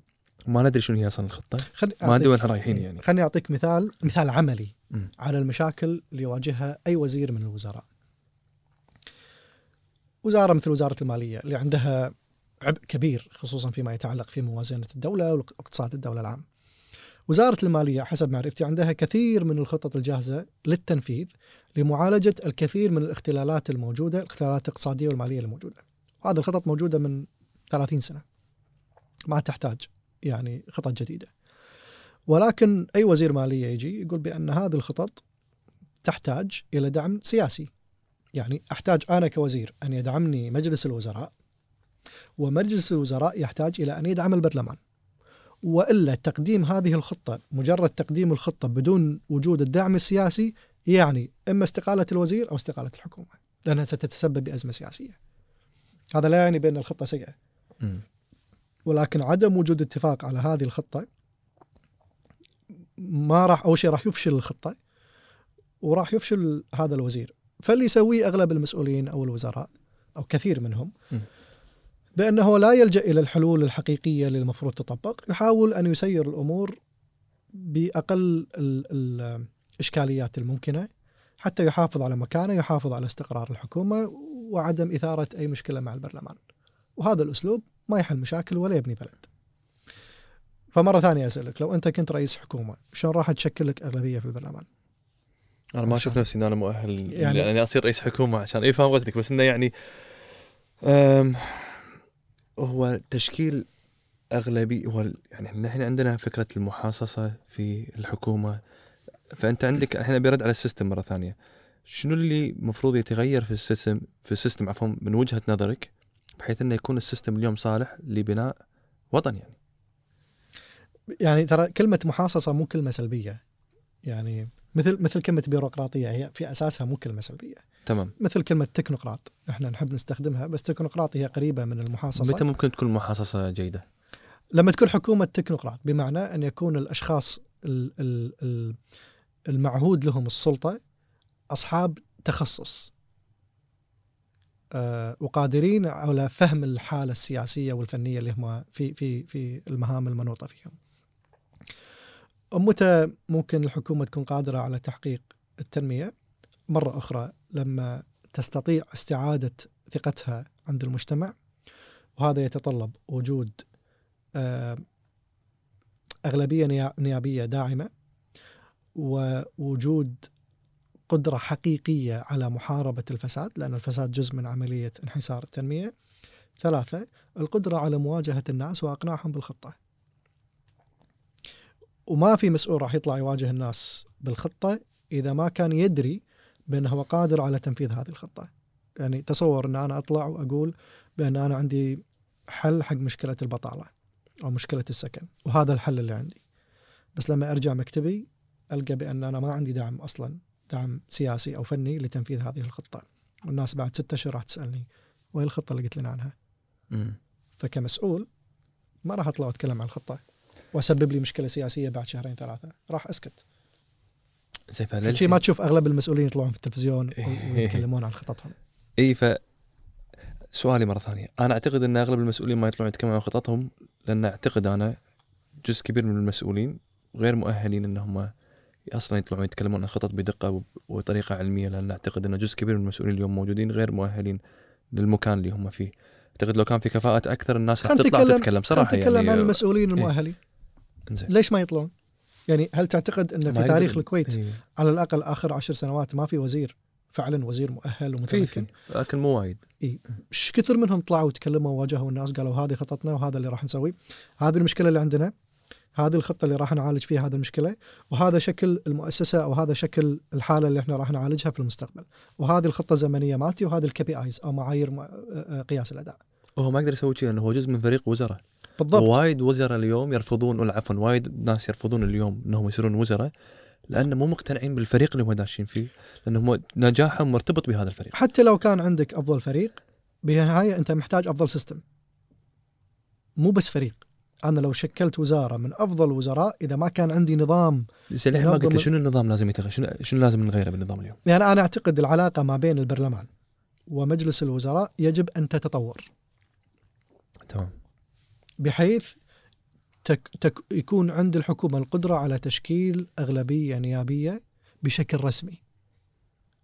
بشكل رسمي واضح، يعني هذه الكتلتين هي كتلة أو هي أغلبية الحكومة حالها حال كل الدول الديمقراطية في العالم. بس أنا أعتقد هذا الحل الأول اللي إحنا لازم نلجأ له. هل تشوف اليوم وما دمنا دولة ديمقراطية دستورية لازم نلجأ إلى هذا الحل، إلا إذا نبي ننتقل مرة ثانية إلى آه، آه، إلى دولة رئاسية يعني. هل تعتقد إن اليوم ال... بشكل عام ها النواب الدرجة الثقافية اللي موجودة يعني ممكن اليوم حتى لو تم توزيرهم اليوم في كلام إنه ممكن يتوزرون جزء كبير من النواب هل هذا أنت تشوفه ممكن يكون شيء جيد يعني إذا كان التوزير توزير سياسي لشراء مجموعة من التكتلات بالتأكيد لا مم. يعني أكيد مو زين. بس لما أنا عندي 16 وزارة وأبي أوزر عشرة من الكفاءات اللي موجودين في البرلمان في كفاءات موجودة في البرلمان هذا وضع مختلف. بس لما أنا أحط ثلاثة من من 16 فعليا أنا ما عندي أغلبية في البرلمان. هذا المحاصصة اللي أنا أقول لك عنها. ما عندي أغلبية في البرلمان. يعني شنو هي المحاصصة؟ بس عشان نعرفها. المحاصصة إن أنا تكون عندي مجموعة من قبيلة ألف ومجموعة من طائفة باء ومجموعة من العوائل الفلانية وهي أحط أنا وزير يمثل هالعوائل ووزير يمثل هذا علشان أنا أكسب توازن داخل جلسات مجلس الأمة. ممتاز. هذا في النظام القبلي أي. اللي إحنا ماشيين هذه مو محاصصة؟ لا هذه محاصصة بس مو هذه المحاصصة اللي نقصد فيها في النظام الديمقراطي. أي. في النظام الديمقراطي المحاصصة أني أنا أعين وزراء ينتمون إلى تكتلات المتحالفة معي. هذا طبيعي. لما أنا أتحالف مع تكتلات سياسية فكرية تقصد. تكتلات سياسية. لما أنا أتحالف مع حزب ألف حزب باء حزب سين وهذا طبيعي هذا عادي. هذا هذا هذا المحاصصة اللي تتكلم فراح. آخذ من هذه الأحزاب مم. مجموعة من الكفاءات وأعينها عندي في الحكومة. بس هذه محاصصة هي فعليا محاصصة لكن هذه المحاصصة التقليدية المعمول فيها في أي نظام برلماني. أصلا في أي صح على قولتك في أي حكومة اليوم وهي أصلا يعني أنجلينا ميركل لما شكلت حكومات متعاقبة من وين قاعد تشكل الوزراء؟ من المحاصصة من الأحزاب اللي هي متحالفة معها. فما يصير واحد من الحزب اللي مو متحالف معاه يقول ما يصير أنتم بس قاعد تعطون حق الحزب اللي أنتم تحالفتوا معه. حاضر تحالف معي وادخل معي، بالنهاية التحالف قائم على مشروع. وكثير من ال ال الأحزاب السياسية تنسحب من حكومة كاملة إذا صار في خلاف بينها وبين الحكومة. على مشروع معين أو على سياسة معينة تنسحب وتنهار الحكومة تضطر الحكومة إلى بناء حلف جديد أو تقدم استقالتها ويتم إجراء انتخابات جديدة. الحين فينا قلت شغلة ثانية الحين فيما يخص الإعلام والهوية والرؤية الحين بتكلم وين وين دور الإعلام في ال- ال- الرؤية وأنت قلت هم في له دور في الهوية ال- ال- أشبه الإعلام والتعليم برجلي الإنسان. التعليم لوحده لا يستطيع أن ينهض في دولة، والإعلام لوحده لا يستطيع أن ينهض في دولة. سينهار. استخدام الإعلام بدون وجود آه، تعليم جيد سيكتشف الناس في المستقبل بأن كل الرسائل الإعلامية اللي كانت توجه لهم رسائل إعلامية مزيفة. فلما نزرع قيم في المجتمع هذه القيم عندك وسائل قبل كان الكتاب والمسجد والمدرسة اليوم الكتاب اختفى أصبح أو تشكل الكتاب بطريقة مختلفة عن طريق الإنترنت بودكاست اللي إحنا قاعد نسويه إذا كان فعلا له قيمة مم. ظهوري اليوم له قيمة. إن شاء الله. آه والمدرسة ما زال لها دور مهم لأن الطالب قاعد يقضي معظم وقته في اليوم في المدرسة. فهذه الرسائل أو هذه القيم اللي صاير يتبناها الطالب في المدرسة يحتاج يشوف انعكاسها في الإعلام. فحتى سياساتنا الإعلامية تبنى عليها. أنا أعطيك مثال. لما الطالب يتعلم عن حقوق الإنسان أو حقوق المرأة أو الدستور في المدرسة. ثم ينتقل خارج أسوار المدرسة ويشوف قضية البدون في الكويت. ويشوف في انتقاص مثلا لبعض حقوق المرأة. ويشوف في حالة عدم عدالة ويشوف في واسطة. فبيسأل وين الدستور؟ وين العدالة؟ وين المساواة؟ مو موجودين. والعكس لما الإعلام يروج لقيمة معينة حقوق المرأة السياسية إيش كثر بس, الكويت؟ بس هني تو السؤال إيجابي. أنا الحين بسألك. حقوق المرأة السياسية إيش كثر الكويت كانت تروج لها في وسائل الإعلام؟ حتى بالمسرحيات كان موجود. هل عندما تم إقرار حقوق المرأة السياسية كان في هناك إجماع شعبي عليها؟ لا. لأن الإعلام ما كان كافي. كان التعليم هو الأساس. وما كان التعليم يمارس هذا الدور. الإعلام اليوم أنا كش- كشخص متخصص في الإعلام ما أقدر أروج لخطة دولة أو ما أقدر أروج حتى لشخص إذا ما كان عندي مادة حقيقية أتكلم عنها. إذا ما كان عندي إنجاز حقيقي أتكلم عنه. أقول والله فيصل عقل آه، يستاهل يصير وزير إعلام أو وزير إعلام متمكن مثلا لأن هذه إمكانياته وهذه إنجازاته وما عنده track record فاشل. بس إذا أنت كان ال track record مالك سلبي مهما حطيت من مكائن إعلامية ما راح تقدر تغير من وجهة النظر الناس. بالعكس راح تزيد الطين بلة على قولتك. ممكن ممكن يكون لها ردة فعل سلبية عليك. عودة إلى التجربة الألمانية. خليني أقول لك هذا واحد من ال... ألمانيا بعد الحرب العالمية الثانية دولة منهارة.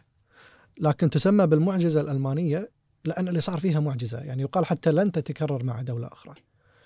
عادت ألمانيا في غضون سنوات قليلة إلى إلى أول اقتصاد أوروبي تفوقت حتى على الدول اللي كانت معها في الحرب. رابع اقتصاد على مستوى العالم 10% من صادرات العالم من ألمانيا. شنو اللي سوته ألمانيا أول شيء سوته ألمانيا هي الحفاظ على ما يسمى ببراءات الاختراع كان في في معاهدة الهزيمة كان جزء من المعاهدة بأن ألمانيا تسلم كل براءات الاختراع للولايات المتحدة الأمريكية، حتى قامت ألمانيا بإيقاف هذا هذا الشرط. ليش؟ يعني معرفه knowledge is power. أي أنت خسران فتتحمل النتيجة. فحاولت تكثيف أو أو أو إسراع في عملية التعليم والاستفادة من تاريخها، ألمانيا كانت دولة متقدمة صحيح طول تاريخها يعني. فحافظت على إرثها التعليم وحتى الهجرة هجرة العلماء اللي طلعوا من ألمانيا في فترة الحرب حاولت تعويضهم بعلماء جدد. فالمحافظة على الإرث الثقافي المرتبط بالتعليم والابتكار آه، إضافة إلى ذلك واحدة من التشريعات اللي سنتها بأن كل طالب من حقه أن يعمل على الأقل في فترة الصيف في أي شركة وليس من حق الشركات رفض الطلبة. خلال خمس سنوات من 1950 إلى 1955 صار في ألمانيا 16 مليون شخص جاهز للدخول في سوق العمل في مختلف القطاعات حتى لو تخرج من الثانوية ليش؟ لأن الخبرة العملية اللي اكتسبها أثناء دراسته في السوق أهلته عطته المهارات للعمل فبفترة قياسية سريعة جدا وأتكلم عن ألمانيا الغربية في ذلك الوقت بفترة قياسية سريعة جدا رفعت مستوى التعليم والتكنولوجيا والابتكار ووجود عمالة ماهرة في خمس سنوات متصور يعني هذه الثورة اللي أحدثتها م. ألمانيا في في ذلك الوقت فألمانيا ألمانيا مو دولة صناعية بمعنى تنتج مكائن صحيح هي عندها مكائن لكن قدرتها أو قوتها الحقيقية في الابتكار في براءات الاختراع. ف microchips اللي موجودة في كمبيوتراتنا مكتوب عليها made in China لكن فعليا هي تكنولوجيا ألمانية. وهذا اللي يعطي ألمانيا القوة إلى اليوم في السيطرة على أو أن تكون واحد من المسيطرين على اقتصاديات العالم واللي تصمد أمام كل الهزات المالية مقارنة بالدول المحيطة فيها. فالكويت اليوم على سبيل المثال لما نتكلم عن الهوية بناء الإنسان لأن هذا هو مصدر القوة الحقيقي لأي بلد. ولما نتكلم عن بناء الإنسان خصوصا في حالة الكويت دولة ما فيها ماء ما فيها معادن غير النفط يعني ما فيها موارد طبيعية غير النفط. آه، ما عندنا بيئة أو مناخ مناسب لصناعات مختلفة إحنا كل اللي عندنا شمس صح. وبحر وبشر.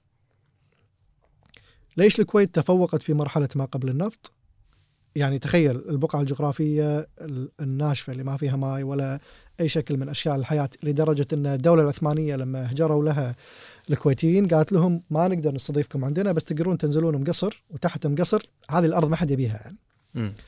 هذه الأرض اللي ما حد كان يبيها هو اللي هاجروا لها البلدان اللي دولهم كانت تنعم بموارد آه، طبيعية لسبب ما تقدر تت يعني ما تقدر تتخيله يعني ليش واحد يهد بلد فيها زراعة وفيها ماء ويروح الكويت؟ استقرار هذا الاستقرار سبب سببه بأن الكويت أصبحت نقطة التجمع التجارية والاقتصادية لهذه المنطقة. كيف تحولت هذه البقعة إلى نقطة جذب؟ بسبب العقول المبتكرة. قدرة الكويتيين على ابتكار فكرة تبادل البضائع، يعني المركب اللي يروح البصرة ياخذ من البضاعة يوديها زنجبار، وياخذ من زنجبار شيء ثاني ويرد البصرة أو يوديه الهند، هذه الحركة التجارية أنعشت الاقتصاد بعقل لما كان الأسرة الكويتية تعلم عيالها تعلم عيالها المهارات الأساسية اللي تتطلبها مهنة أجدادهم مو اللي تتطلبها مم. وظيفة الحكومة اللي أنت ما راح تستفيد منها شنو قصدك ما تستفيد منها؟ يعني ما أعلم شيء ما راح يست... ما راح أعلم ولدي شيء ما راح يستفيد منه صح. في المستقبل صح. بعد النفط لما تحولت أغلب الوظائف إلى الحكومة أنا ليش أتعلم مهارة جديدة في السوق إذا ما كنت راح أشتغل في السوق ليش أتعلم الابتكار إذا كانت وظيفتي ما تتطلب مني الابتكار أو حتى لو ابتكرت في وظيفتي ما, لي ما لها مردود مباشر علي فخلاص أصير إنسان عادي موظف عادي اخذ شهادة عادية من أي مكان راح أعيش حالي حالي باقي صح. الناس. أول الكويت كانت مركز تجاري اول خلص الماي عندك ولا لا، لا، بعد- بعد. فيها؟ أول كانت الكويت مركز تجاري بظروف موضوعية ومكانها الاستراتيجي وما إلى ذلك. اليوم الكويت هم لما سألتني تو سؤال شو اللي مو مخليك تصدق رؤية 2035 من الأشياء اللي اليوم صعب يخليني اصدقها ان اليوم الكويت تبي تصير مركز مالي وتجاري. ويا إحنا بين دولتين قاعد تتنافس على هذا المركز المالي والتجاري وقاعد نشوف شنو قاعد يصير اللي بالأخبار. هم منو؟ الدولتين؟ الإمارات والسعودية. okay. مخليك إن ناهيك إن أصلا البحرين إلى حد ما أصلا مركز مالي وتجاري. فقاعد يتنافسون. اليوم في قرارات تطلع من السعودية يبون كل ال headquarters تروح الرياض. ال MBC الحين طلعت حسب علمي من الامارات بعد سنتين خلاص بيكونوا بالسعودية. وكل الشركات قاعد أه، تروح الرياض. إحنا الحين نبي ندش بين هالدول ونأسس مركز مالي وتجاري. إذا ما كان في جدية انت خليك فوق ناهيك يعني فوق ما إن أنت أصلا اللي قاعد تحاول تقنعني فيه صعب على ال track record مالي مالك عفوا. قاعد تطلب مني ان قاعد تطلب خطة وايد كبيرة اليوم في ظل الظروف. يعني هي مو نفس قبل عشر سنين الظروف. اليوم تغيرت. السعودية اليوم ماخذ الموضوع بشكل جدي يعني. فهل اليوم ممكن إحنا نغير رؤيتنا من مركز مالي وتجاري إلى مركز ثقافي، مركز تعليمي، مركز فني، مركز ايا كان المركز؟ يعني ليش لازم إحنا اليوم نتوجه إلى مركز مالي وتجاري؟ أول شيء فكرة المنافسة أنا أعتقد بأنها فكرة غير دقيقة. مو بالضرورة لما يكون مركز مالي وتجاري إن إحنا نتشارك نفس الأنشطة. هذا واحد. اثنين موقعنا الجغرافي مختلف عن موقع الإمارات والسعودية. تمام. ففي بعض الشركات راح تستهدف إنها تفتح في الكويت بسبب موقعها الجغرافي. لو افترضنا بأن خلينا نفترض بأن أول شيء كل دول الخليج راح عندها سياسة تجارية واحدة بمعنى إن القوانين اللي في الكويت نفس القوانين في السعودية. فما في منافسة في الجانب التشريعي. افترض هذا الفرضية الآن. فالمنافسة الحقيقية منافسة في السوق. صح. الكويت موقعها ال- ال- ال- الجغرافي مميز للاستيراد والتصدير هذا رقم واحد. اثنين الكويت تتوسط أكبر آه، تعداد سكاني في المنطقة فهي تتوسط العراق وإيران والسعودية. فإذا أنا كنت دولة تستهدف التوزيع توزيع المنتجات بشكل كبير الكويت بالنسبة لي أسهل نقطة لأن عندها ثلاث منافذ. على هذه الدول. بدل ما أروح السعودية وأدخل الكويت وأروح العراق أو أدخل السعودية والعراق وأضطر أدخل الكويت بروح وأدخل إيران مم. بروح. هذا الأمر. الأمر الآخر مو بالضرورة الأنشطة الاقتصادية والتجارية تكون متشابهة مع آه، الدول المحيطة فينا. فلأن الكويت هدفها الرئيسي تكون ميناء فالميناء له أنشطة مرتبطة فيه. أحد أهم هذه الأنشطة النقل والتخزين والصناعات التحويلية. لأن أح- أنت أحيانا تأتي ببضائع تع- تعيد تجميعها في مكان معين ثم تعيد تصديرها. تمام. هذه ممكن ما تتناسب مع مع دول أخرى. الخدمات المالية مرتبطة ب- بالخدمات التجارية.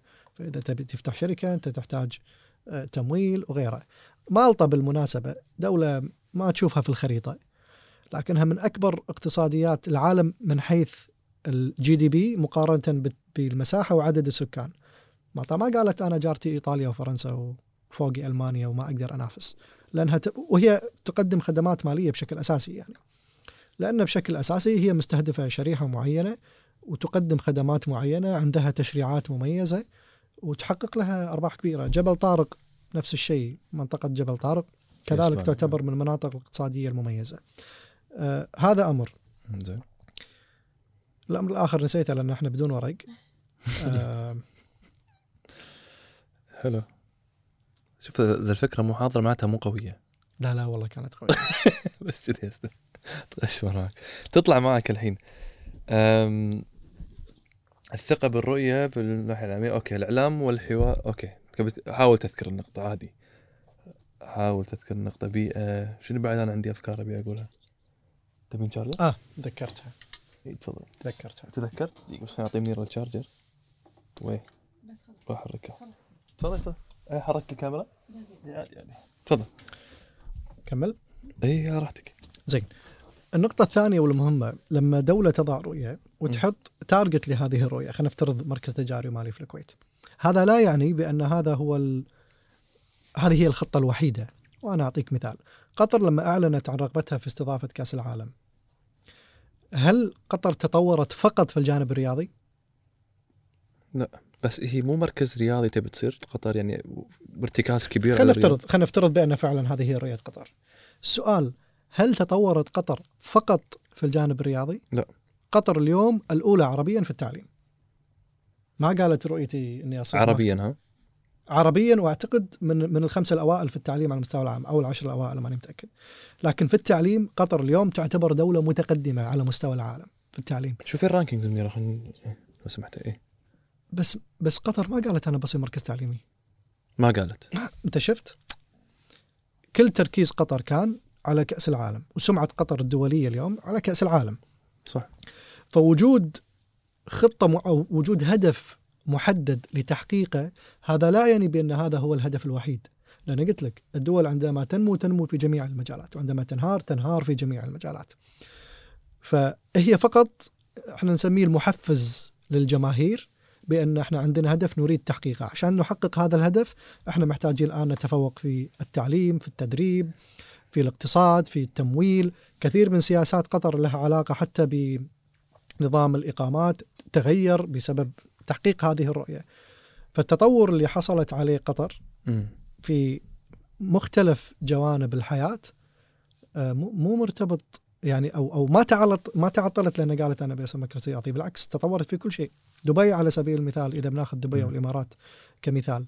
دبي تعتبر مركز تجاري ومالي ولوجستي إذا كنا نبي نتكلم عن ميناء جبل علي.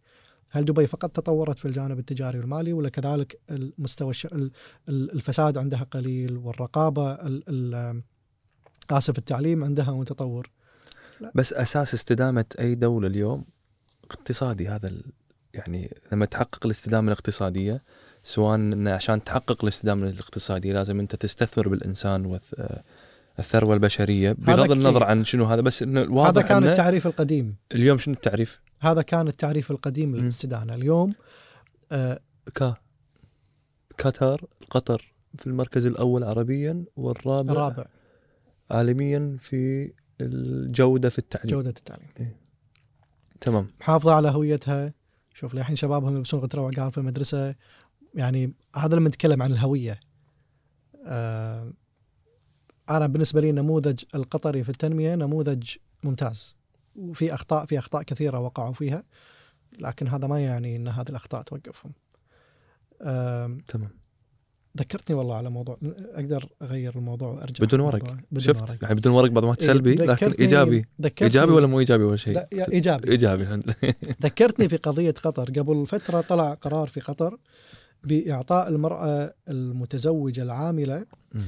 إجازة آه، تخفيف وإجازة ل- للتربية ب- بمرتب يعني. عاد يخصمون جزء من مرتبها بس تنحسب من ضمن خدمتها لكن هي تتفرغ للتربية أنا بالنسبة لي كشخص مهتم في صناعة السياسات هذا الأمر يعني أثار إعجابي مو لأن القرار نفسه عاجبني لأن اتخاذ القرار متناسب مع هوية الدولة مم. فقطر لا تستهدف إشراك المرأة في العمل كم- كمنتج أو كفرد عامل في في السوق هي تريد أن تمارس المرأة العمل داخل البيت بدون إجبار يعني هذا قرار اختياري إذا اختياري. حابة المرأة أنها تربي عيالها إحنا كدولة مستعدين نعطيش راتبك وتقعدين في البيت لين يكبرون عيالك هذا يعبر عن طبيعة اتخاذ القرارات في الدولة. وأنا أتكلم في رسم السياسات في ثلاث مسارات. في الغالب الدول تأخذ واحدة منهم وأحيانا تجمد ما بين أكثر من مسار. الأول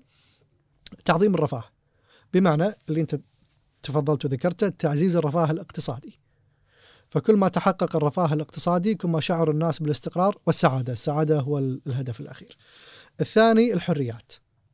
في دول تعتقد بأن فتح مجال الحريات الفردية بشكل عام آه، تعزز عند الفرد الانتماء للدولة و- وتعزز عنده حالة السعادة لأن ت- تشعره بالانفراد. مثل شنو؟ بحريات قصدك أنت يعني؟ حريات بشكل عام. بشكل طبعا عام، ها؟ فرنسا هي النموذج الأول لما لما أتكلم عن الحريات. تمام. النموذج الثالث نسميه مسار الفضيلة الفضائل الدول اللي تبي تحافظ على قيم معينة م. وسياساتها تبنى على هذه القيم. طبعا لما أنا أقول الرفاه أو الحرية أو الفضائل أو القيم يبقى كل سياسات الدولة مستمدة من هذه ال- ال- ال- المسارات. قطر لما طلعت هذا القرار أنا بالنسبة لي صار بالنسبة لي واضح المسار اللي اتخذته قطر في رسم سياساتها وهذا نفتقده في كثير أو في أغلب الدول العربية. ففي الكويت نبي نشجع ال ال ال الناس على الانخراط في سوق العمل إن الناس يروحون القطاع الخاص بس أنا أمنع الطلبة إنهم يشتغلون وهم يدرسون في القطاع الخاص. مم. أنا أبي أشجع المرأة على العمل في القطاع الخاص بس أعطيها تقاعد مبكر. فأنت شنو تبي؟ تبي المرأة تكون تشتغل ولا تبي تعطيها تقاعد مبكر؟ تبيها تدخل الجيش والشرطة ولا تبي تعطيها إعانة وتقعد في البيت؟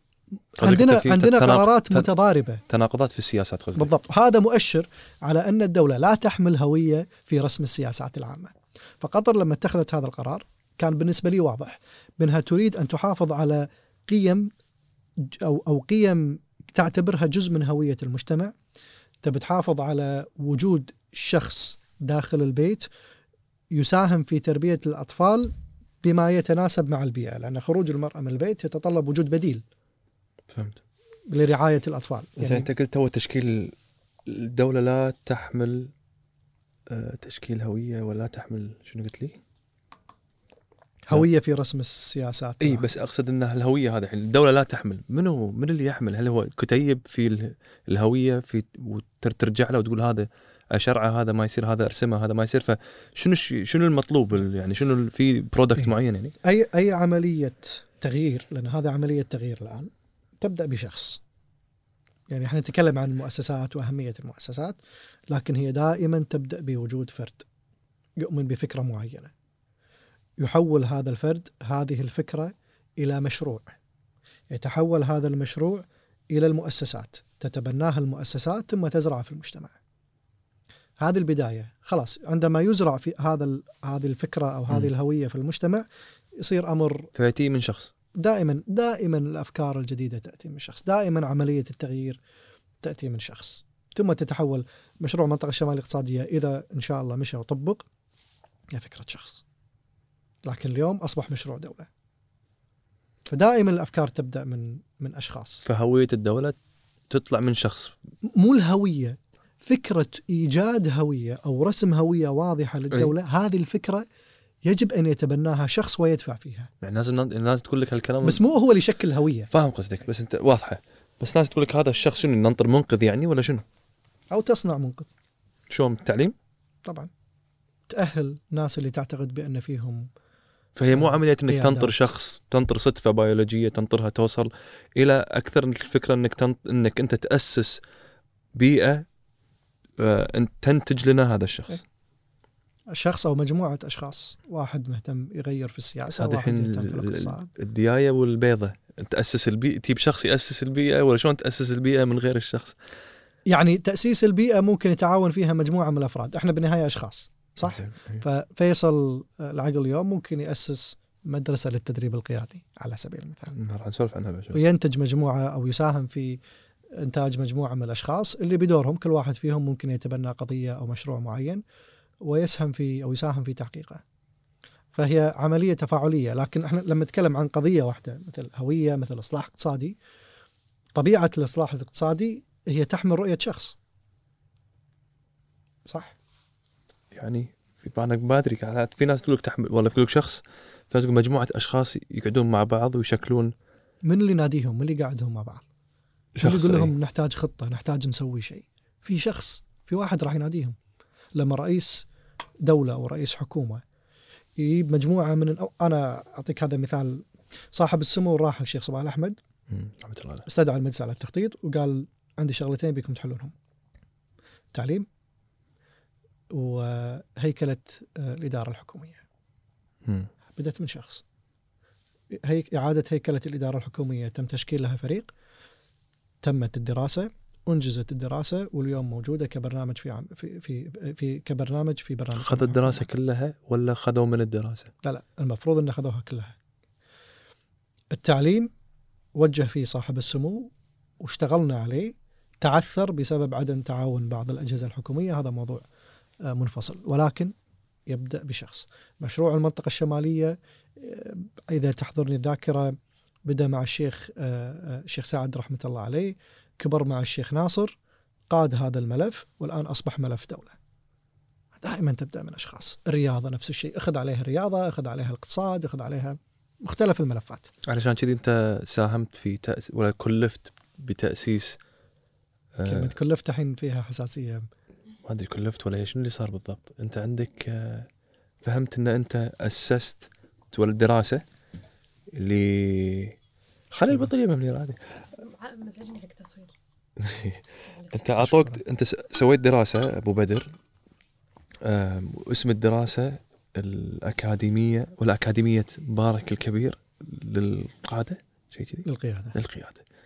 شنو فكرة الأكاديمية؟ و أبي أفهم منك زيادة. عن آه، فكرة شوي صار عليها لبس صراحة واضحة أنا يمكن وضحتها في البيان اللي نزل قريت البيان جريدة أنا. الرأي. مم.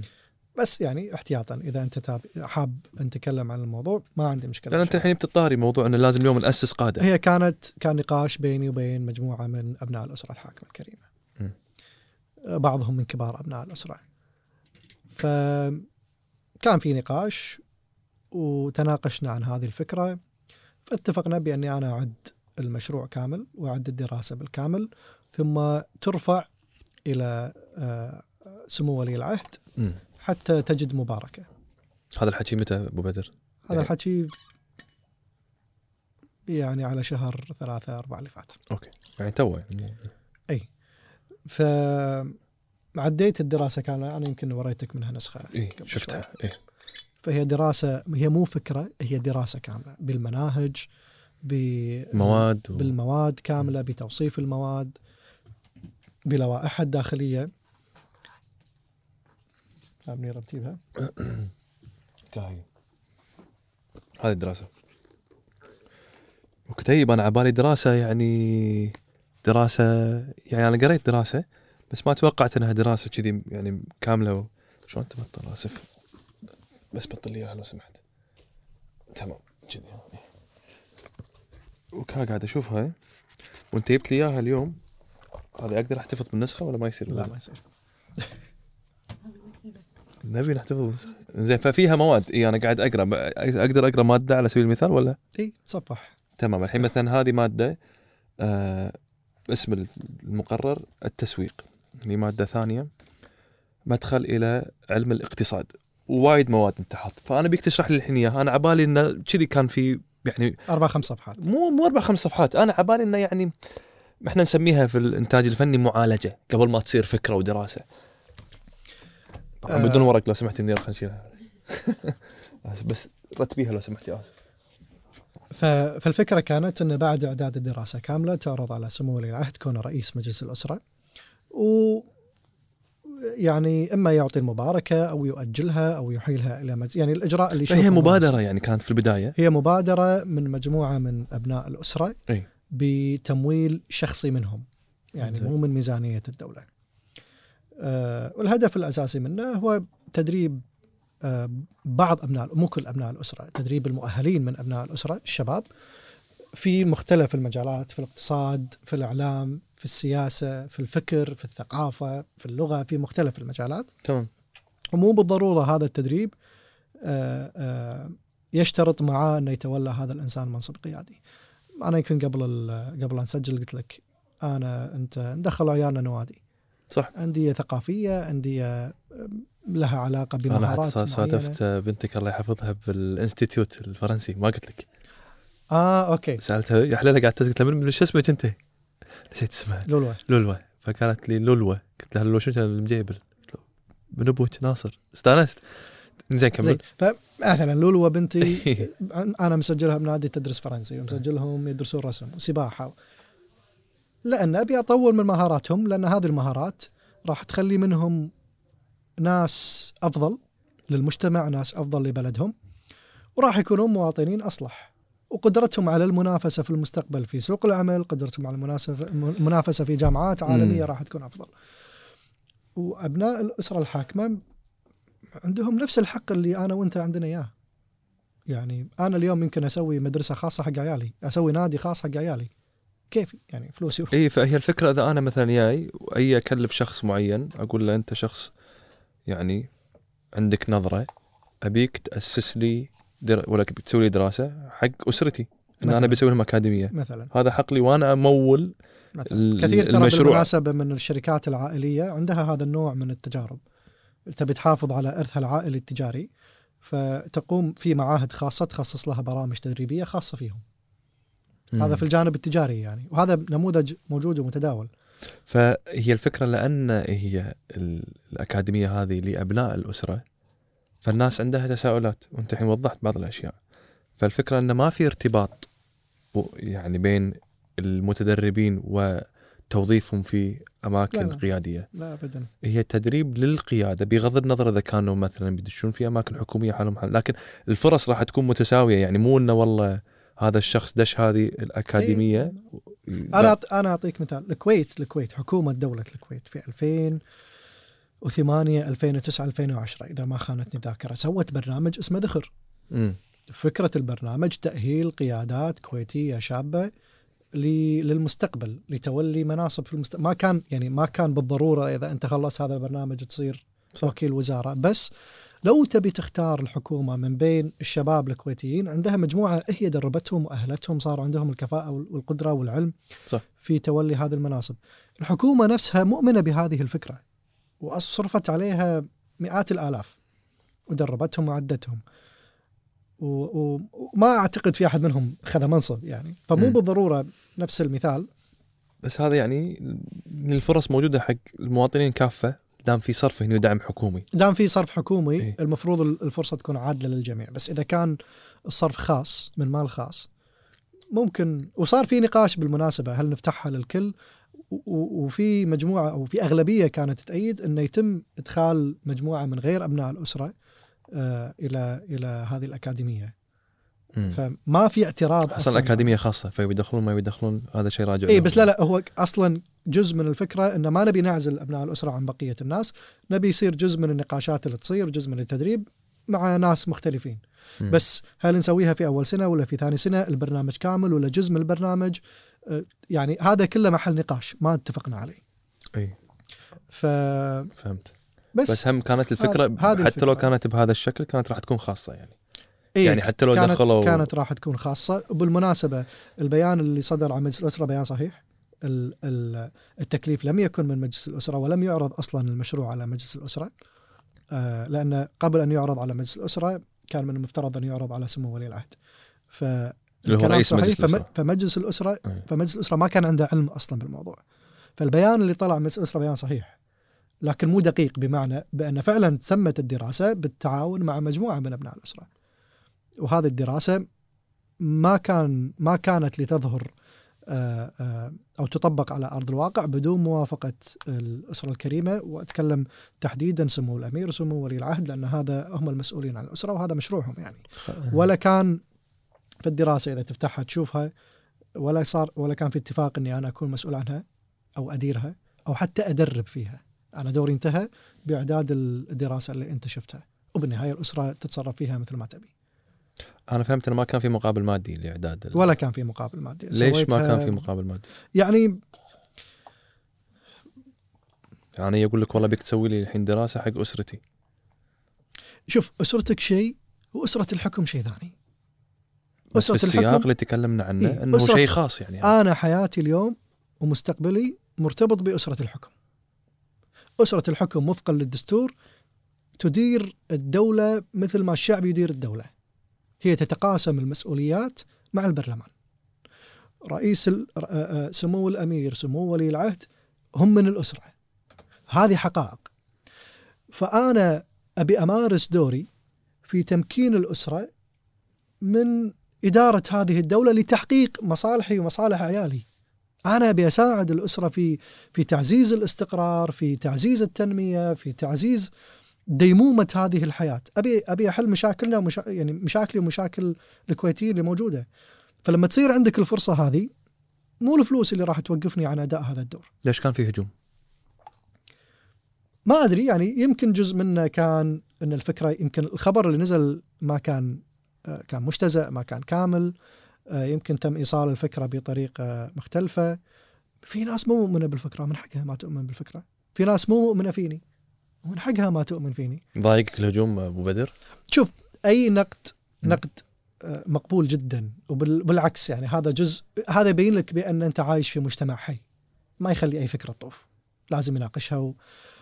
اللي ضايق هي فكرة التخوين الطعن. شكو شكو التخوين بالموضوع؟ لأن يعني في ناس ربطت يعني ربطت آه وهذه ال- يعني ربطت دوري في الحراك السياسي السابق وفي ناس عندهم قناعة بأن أي شخص في يوم من الأيام كان يناهض الحكومة ويناهض الفساد هو عنده مشكلة مع النظام هو ما يحب الكويت أو ما يحب الأسرة. في ناس يفكرون بهذه الطريقة كيفهم؟ ففي ناس عندهم مشكلة مع شخصك؟ مع ممارستي م.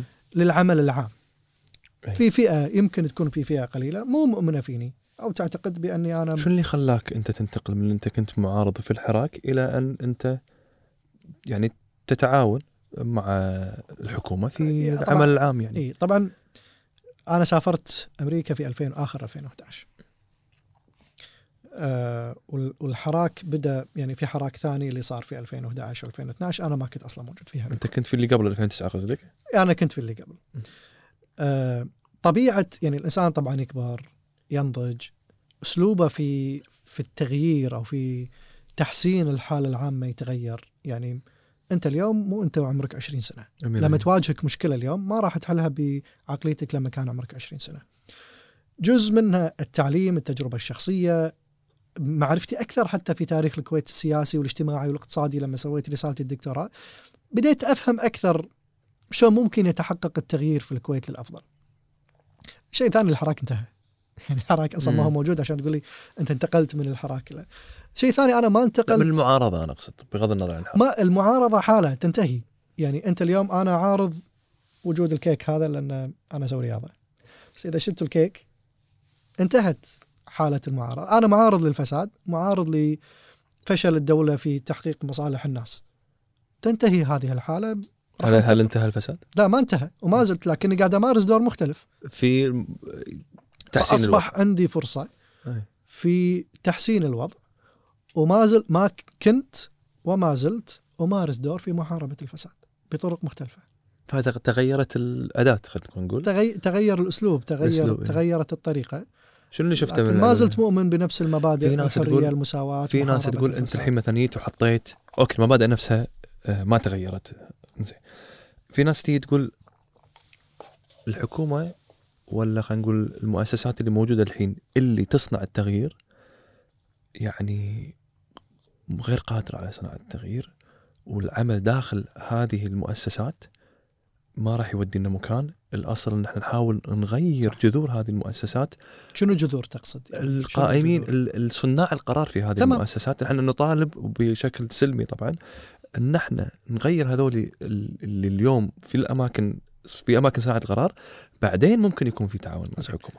أنا الحين أنا ما أتكلم عن تعاون الحكومة. أنا أفترض انه جاك رجل مسؤول كبير في الدولة. وقال لك فيصل أنت تبي تحارب الفساد وتبي تنمية تفضل أمسك واحدة من المؤسسات أو أمسك واحدة من الوزارات وغير.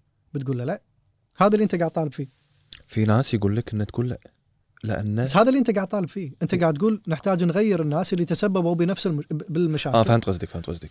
بس هو الفريق هو يعني الفريق الجو الجو ما بقول الجو العام لكن ال ال ال الاختيار العام البيئة العامة. يعني لما أنت تيجي تكحل في أنا- المناصب أنا معك. لما تيجي تكحل غير ما أنت تغير. أنا معك.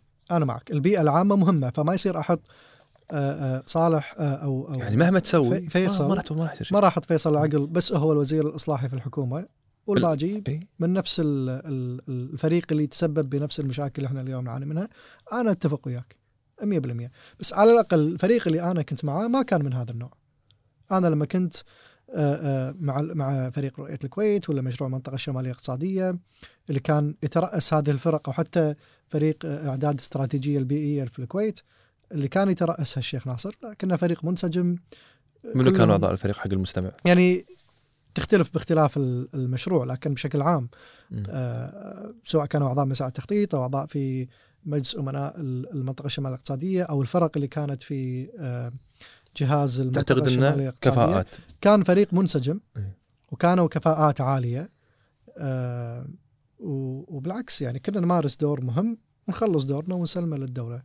إحنا بعدين دولة لازم تنفذ؟ هذا دوري. أنا دوري وقتها كان مستشار ومشرف. أدي دوري واعطيه للدولة. بالم- بالمناسبة قبولي في هذا المكان وفي هذا المنصب ما ترتبت عليه أي امتيازات مالية. شلون يعني؟ يعني ما خذيت ولا دينار. على؟ على وجودي في مجال التخطيط. صدق؟ اي عشان لأن في ناس تقول أوكي لما عرض علي المنصب لأن بس حقك زين وبعدين. لأن في امتيازات مالية. بالعكس أنا ما اشوفه شيء هذا جيد. فتنازل. أنا ما اشوفه شيء جيد يعني بحقك بالنهاية. ممكن يعني يعني ممكن. قاعد تشتغل يعني مش دعوة؟ يعني أنا يعني فاهم قصدي. لي- ليش لازم اليوم نثبت إن إحنا مو قاعدين يعني نركض ورا فكرة لأن- معينة لأن على ش... ان إحنا نقول والله. نتنازل عن الم- المادة لأنه صار يعني. في حالة عامة بأن الناس لما تتغير أو تنتقل من من حال إلى حال بأن هناك امتيازات وهناك إغراءات آه، وصلت لها وتسببت بهذا التغيير. أنا على الأقل أنا أبي أحمي نفسي من أني أتغير هذا التغيير السلبي. نسوي دولة اشتراكية بعد لا لا أنا أبي أحمي نفسي من من المغريات. فما كنت أبي مقابل على الأقل في في الفترة اللي فاتت. آه، حتى بس آه، أنا أكون مرتاح بأن قبولي في العمل في هذه الأماكن هو فعلا رغبة شخصية في تحقيق إنجاز وتنمية للكويت مو لتحقيق مكاسب شخصية أو مادية. آه، وبالمناسبة ترى المكافأة مساله التخطيط مكافاتها مو مكافأة خيال 5000 دينار بالسنة. الناس مم. تتوقع أنه ياخذون يعني مئات الآلاف. مجلس أعلى للتخطيط والتنمية. ال- هو هو فعليا أنت قاعد تمارس دورك كصاحب اختصاص أو خبرة. في. آه، وترد جزء من الدين لهذه الدولة. فهو مو هو منصب يعني اللي جاي له جاي يستفيد منه. إحنا أصلا مو اعضاء متفرغين. كل واحد كان ما زال في عنده في شغلة. على رأس عمله يعني. فهو أشبه بال بالعمل التطوعي للدولة. ما هو منصب يعني منصب حقيقي تستفيد منه. فحتى المكافأة اللي اللي ياخذونها الأعضاء هي أقل من من ساعات العمل اللي كانوا يقضونها في في اللجان وفي الاجتماعات وغيرها يعني. مم. 5000 دينار يعني. اي تكفي ولا شيء. يعني نسبيا يعني حتى الواحد يقول الحمد لله على النعمة. إنزين. 5000 دينار بالسنة. بالسنة. اي فاهم قصدك. بس يعني حقك بالنهاية. يعني أنا أشوف هذا الموضوع. إحنا بنتكلم شوي عن الإعلام كآخر محور أبو بدر كنت تشوفك سوي لا تشوف الساعة. إيه، لا بس بشوف إيش كثر طولنا. لا ما, ما.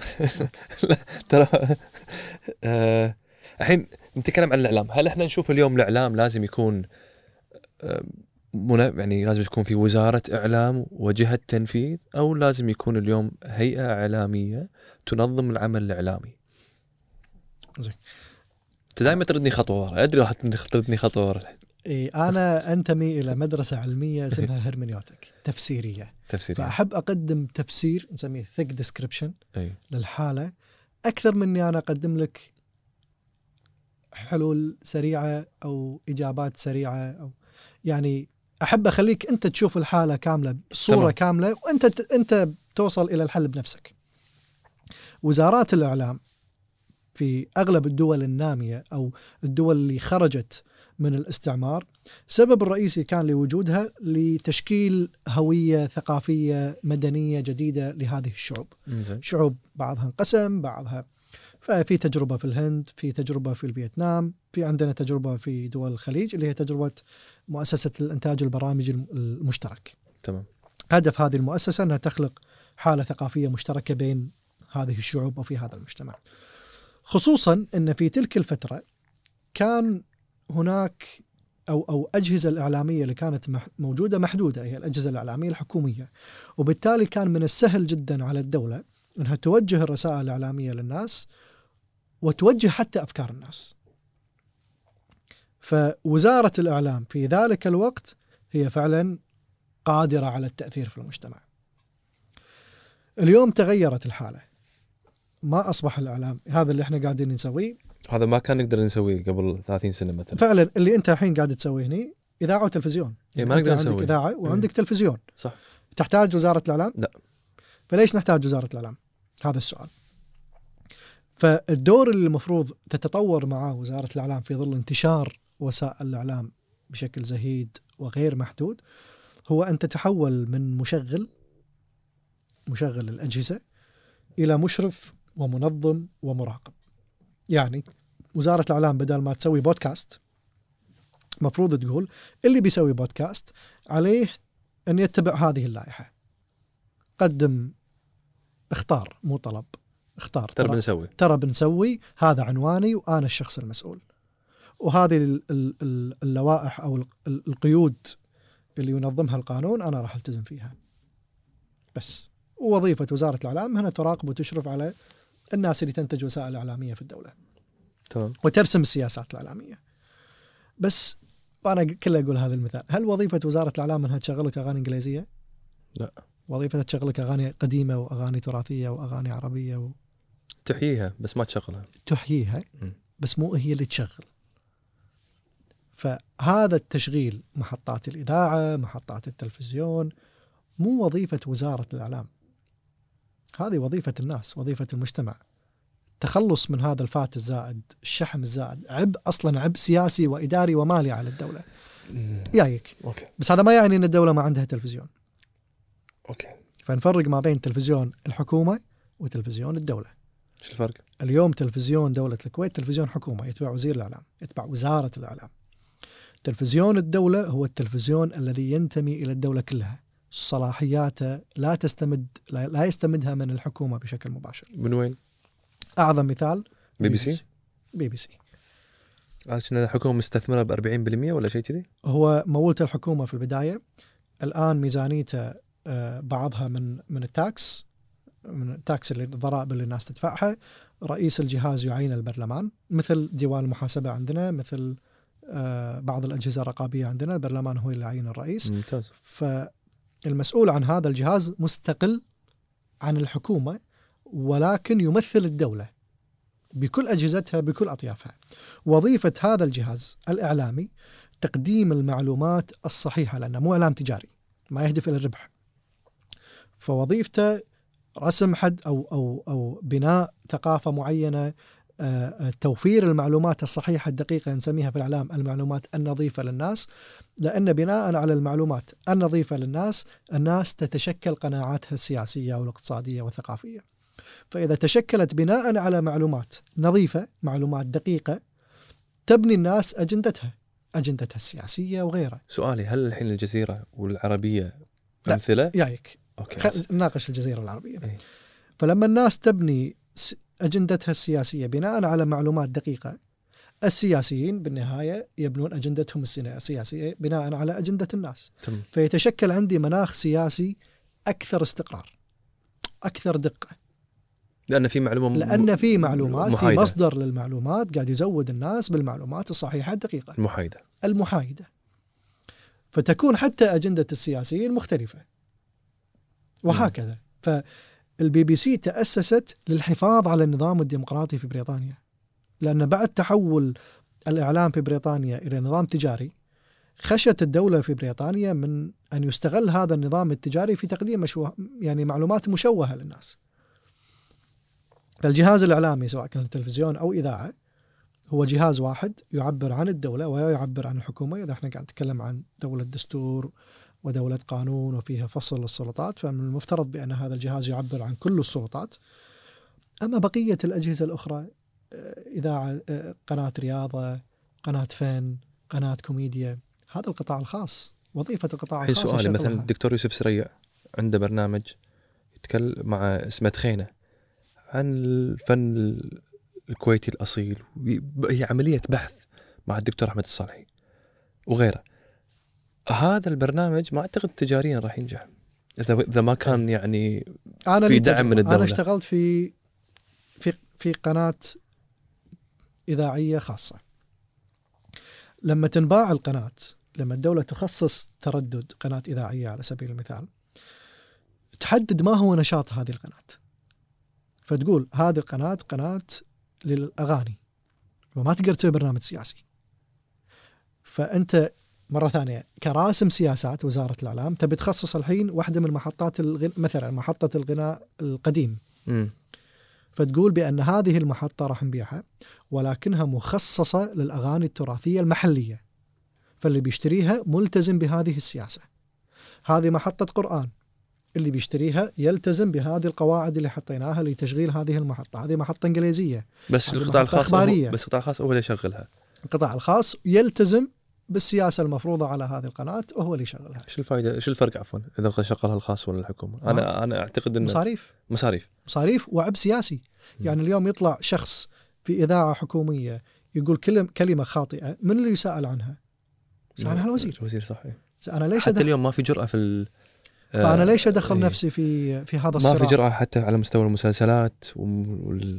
لأن الحكومة لأن اليوم ما تب- الحكومة ما تبي هي تتحمل المسؤول- المعنية إيه، في الموافقة على الاعمال الأعمال ال- ال- الدرامية صح وأنت يعني من بيئه إيه. من من أسرة فنية صحيح. وعارف ال- المشاكل اللي تواجهها اي فاليوم لأن الوزارة هي اللي تعطي الموافقة على المسلسل لو طلع مسلسل بعض الناس مو كل الناس بعض الناس اعترضت عليه وسأل عليه الوزير طيب حط لائحة أو قانون يحط الضوابط اللي يجب أن تتوافر فيها الأعمال الدرامية أو المسرحيات أو أي. عمل فني. وخلاص أنا ماني محتاج آخذ موافقة من وزارة الإعلام. أي مسلسل ولا مسرحية تطلع مخالفة حولها للقضاء والقضاء هو اللي يفصل. اليوم لا لازم تودي النص لوزارة الإعلام يشوفونه لا يعني أنا سويت بحث على هذا الموضوع. لو وديت النص وخذيت الموافقة صورت وبعدين أعطيتهم الأشرطة يشوفون المسلسل كامل إذا في شيء ما عجبهم حتى لو مكتوب بالنص بس ما عجبهم بالتصوير يقول لك شيله تدري شنو التكلفة هذه؟ اي أنا. أنا اي هذه تكلفة كبيرة تشيله حتى لو كان دراميا راح يسبب لك مشكلة إذا انعرض وفي أحد اعترض وهذه صارت قبل تو. سنتين أو ثلاث اعترض على مشهد من حق وزارة الإعلام أو وزير الإعلام بقرار يدافعك مخالفة هذه مو موجودة في القانون بس القانون يعطي الوزير. صلاحية لإجراء لاتخاذ أي قرار يشوفه أي مشكلة. إذا ما دفعت المخالفة ما راح تستلم باقي فلوسك لأن الوزارة هي اللي شارية منك الأعلام. صح هي تعطيك بعدين. إذا دفعت المخالفة ورحت رفعت قضية لأن هذا الإجراء مو لا مو لا مو قانوني الوزارة بالسنة الجاية ما راح تعتمد لك ولا مسلسل لأنك أنت صرت خصم خصم مع الحكومة خصم مع الوزارة. ليش أدخل الحكومة؟ ليش أدخل الدولة في صراع مع الفنانين؟ صح. ليش أدخلها في صراع يعني هل هل فعلا هذا دور الوزير ولا دور الحكومة إنها تدخل في صراع مع مع فنان ولا مع لا. خلاص هذه اللائحة الكل يلتزم فيها الكل يقدر يشتغل بحرية. خالفت اللائحة آه، أثناء العرض حولك نيابة. وأنا كتلفزيون كتلفزيون راح أشتري منك العمل إذا ناسب سياسة الدولة. يعني أنا في أعمالي التلفزيونية أبي أستهدف قضايا معينة قيم معينة أفكار معينة ممكن حتى أعلنها لل- للمنتجين. إذا المسلسل أو العمل مالك ما يناسبني ما راح اشتريه بس ما راح أمنعك من عرضه في أي فأنت قناة الدولة. حتى في المسلسلات؟ يعني إذا ممكن تاخذ مسلسلات تمثل الدولة في الرسائل اللي يبون اليوم. إذا تبي إذا تبي أشتري منك. إي. كتلفزيون. بس إحنا ما ردينا على نفس الموضوع شراء وتنفيع وما أدري لا شنو. التلفزيون جهاز منفصل عن وزارة الإعلام. التلفزيون إي. نفس جهاز- حتى بي بي سي صح تسوي يسوون مسلسل. يسوون برامج. ثقافية ويشترون آه، وثائقيات. فالتلفزيون جهاز منفصل عن الوزارة. والميزانيه جزء منها داش في القطاع الخاص صح ولا لا؟ يعني أقصد؟ مو الميزانية عفوا ان في هو ترى يعني ممول أنا اللي فهمت البي بي سي كقناة ممولة من الحكومة لكن جزء منه في داش فيه القطاع الخاص ضريبة بالضريبة ها؟ ضريبة نفس مؤسسة الكويت التقدم العلمي امم آه، جزء كبير من ميزانيتها تأتي من الضريبة المفروضة على أرباح شركات شركات القطاع الخاص تروح حق. مؤسسة الكويت التقدم العلمي. ففي محاسبة يعني أنا أقصد إنه يعني من من المواطنين إيش قاعد يعني طبعا في, قاعد اللي في مشاركة. من جيبهم.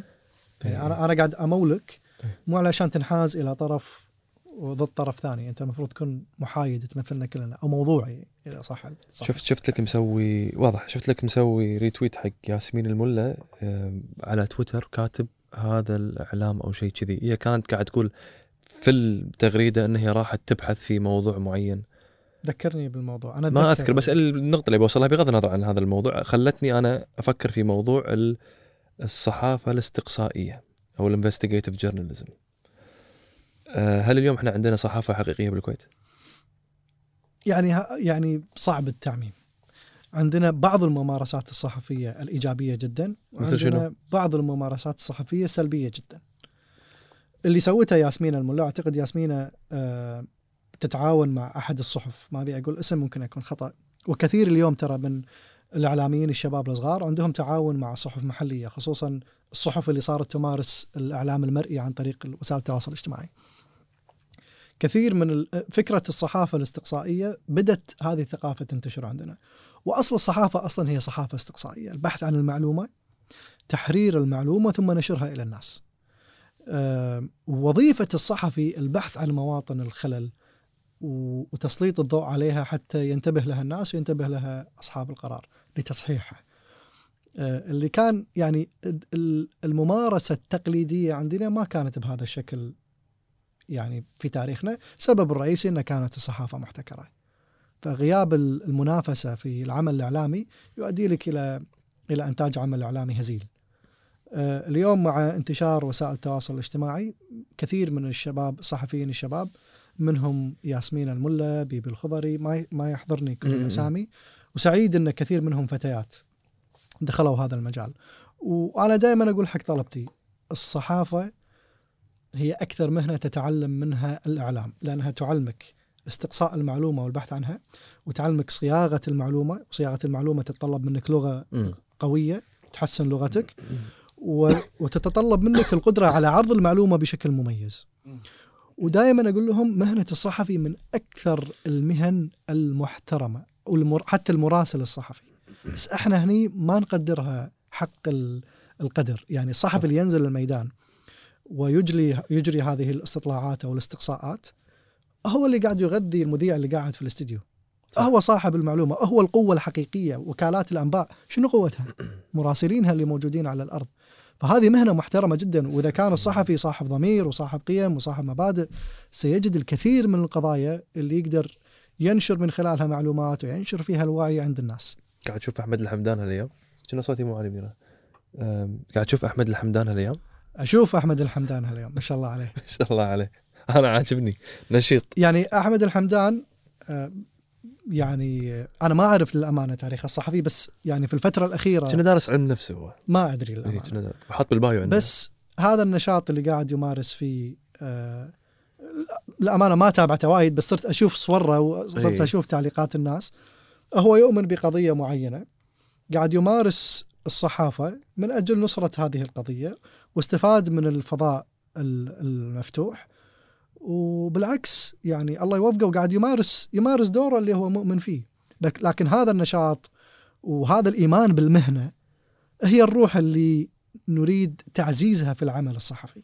مم. إنك أنت مؤمن في عملك كصحفي مؤمن في عملك كصاحب أو كشخص قادر على استقصاء المعلومات ونشرها للناس. صح. الصحفي بدون مبادئ راح يكون سلاح مدمر. الصحفي بدون مبادئ راح يكون سلاح مدمر. شنو نقصد؟ قدرتك على الوصول إلى معلومات تحريرها ثم نشرها إلى الناس بدون مبادئ هذا يعني بأنك قد تكون سلاح في يد أي شخص فاسد. فهمت. فأنت بغض النظر عن المبادئ نختلف نتفق معاها لازم تكون صاحب مبدأ. أي. يعني ما تنشره ما تنشره ما تنشره ما تغير مبادئك اللي تؤمن فيها من أجل مال. ممكن تتغير مبادئك لأن الواقع تغير تجربتك تغيرت لكن لا تستخدم كأداة. أنت سلاح الصحافة سلاح.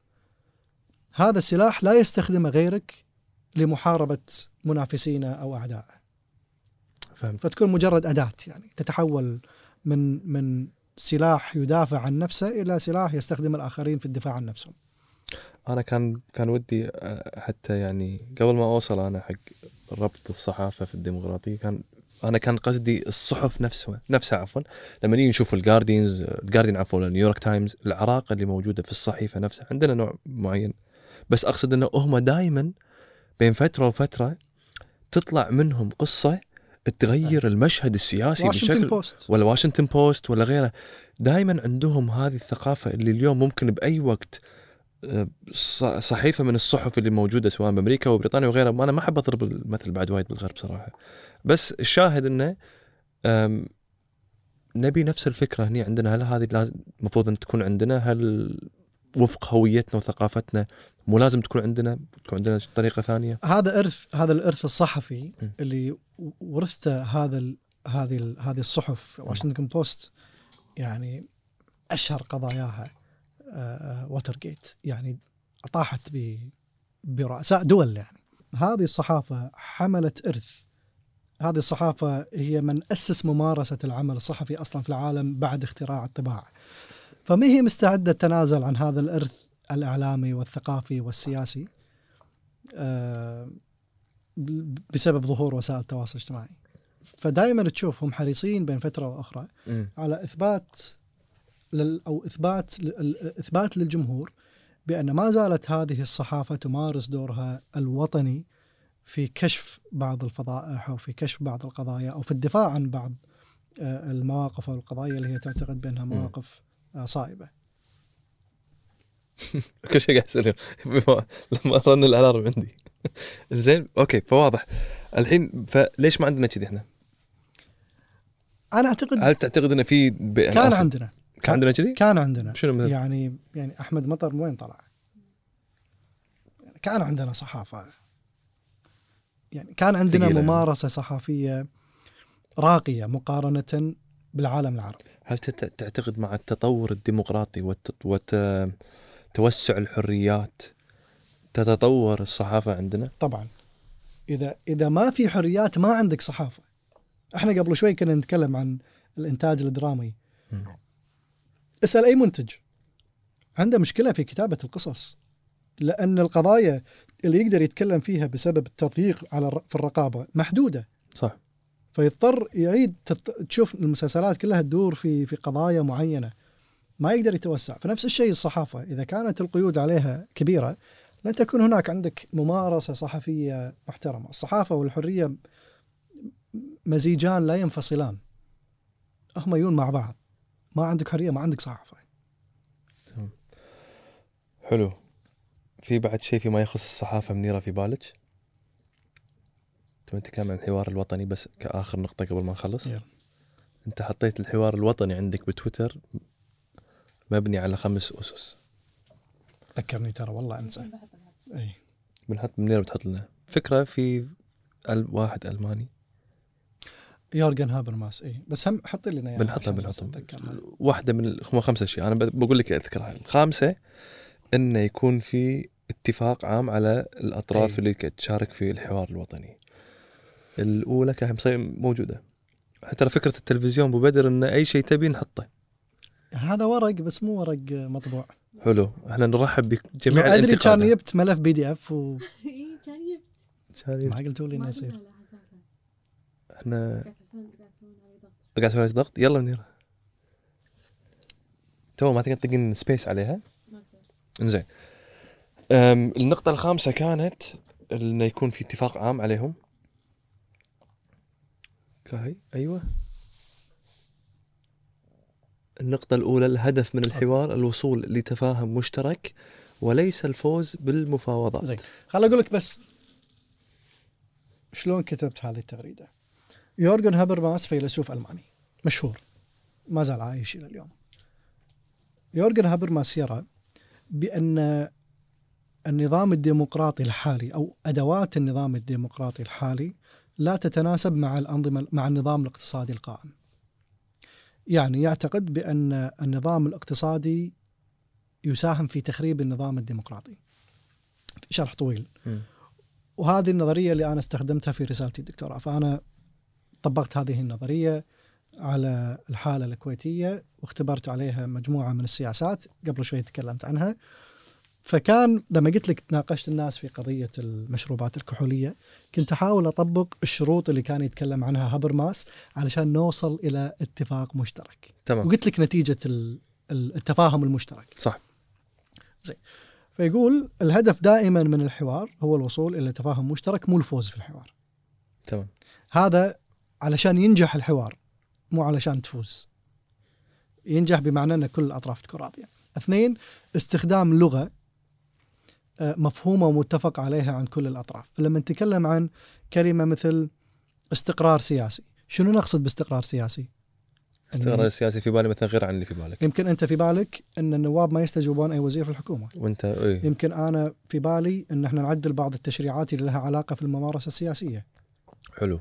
لما نتكلم عن محاربة الفساد أنت يمكن في بالك إن اللي اللي باقوا الحين يدخلون السجن أنا يمكن اللي في بالي إن لا حتى اللي باقوا قبل لازم يروحون يدخلون أو إن السجن المعدل يعني- الفساد إيه. يعني استخدام لغة مفهومة عن جميع الأطراف مقدمات مفهومة عن جميع الأطراف. النقطة الثالثة عدم استخدام القوة في التفاوض شنو يعني قوة؟ قوة مو قوة جسدية. لكن في أطراف قد تمتلك أدوات لا يمتلكها الأطراف المقابلين لها. طبيعي. فأنا ما أقدر اساويهم بال... بالقوة اللي عندي. يعني ما أقدر أقول حق فيصل. شوف فيصل خلينا نعدي هذه النقطة وافقني عليها مقابل إني أنا أفرج عن أخوك اللي موجود في السجن مثلا. أو مقابل ان أنا أمشي لك مخالفة. أو مقابل أو إذا ما اتفقت وياي عليها ترى راح أضيق عليك في موضوع معين. هني نتكلم عن استخدام القوة. استخدام استراتيجيات القوة في أي. التفاوض.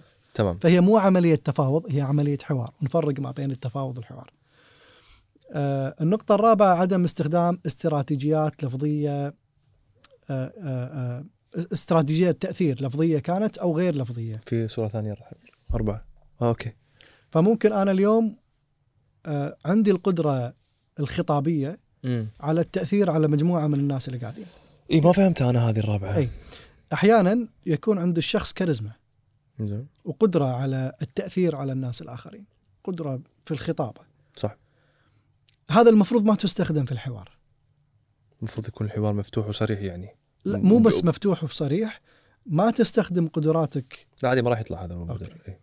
ما تستخدم قدراتك في في قدراتك اللغوية قدراتك في الخطابة في التأثير على مجرى الحوار. بس هذا مو شيء طبيعي.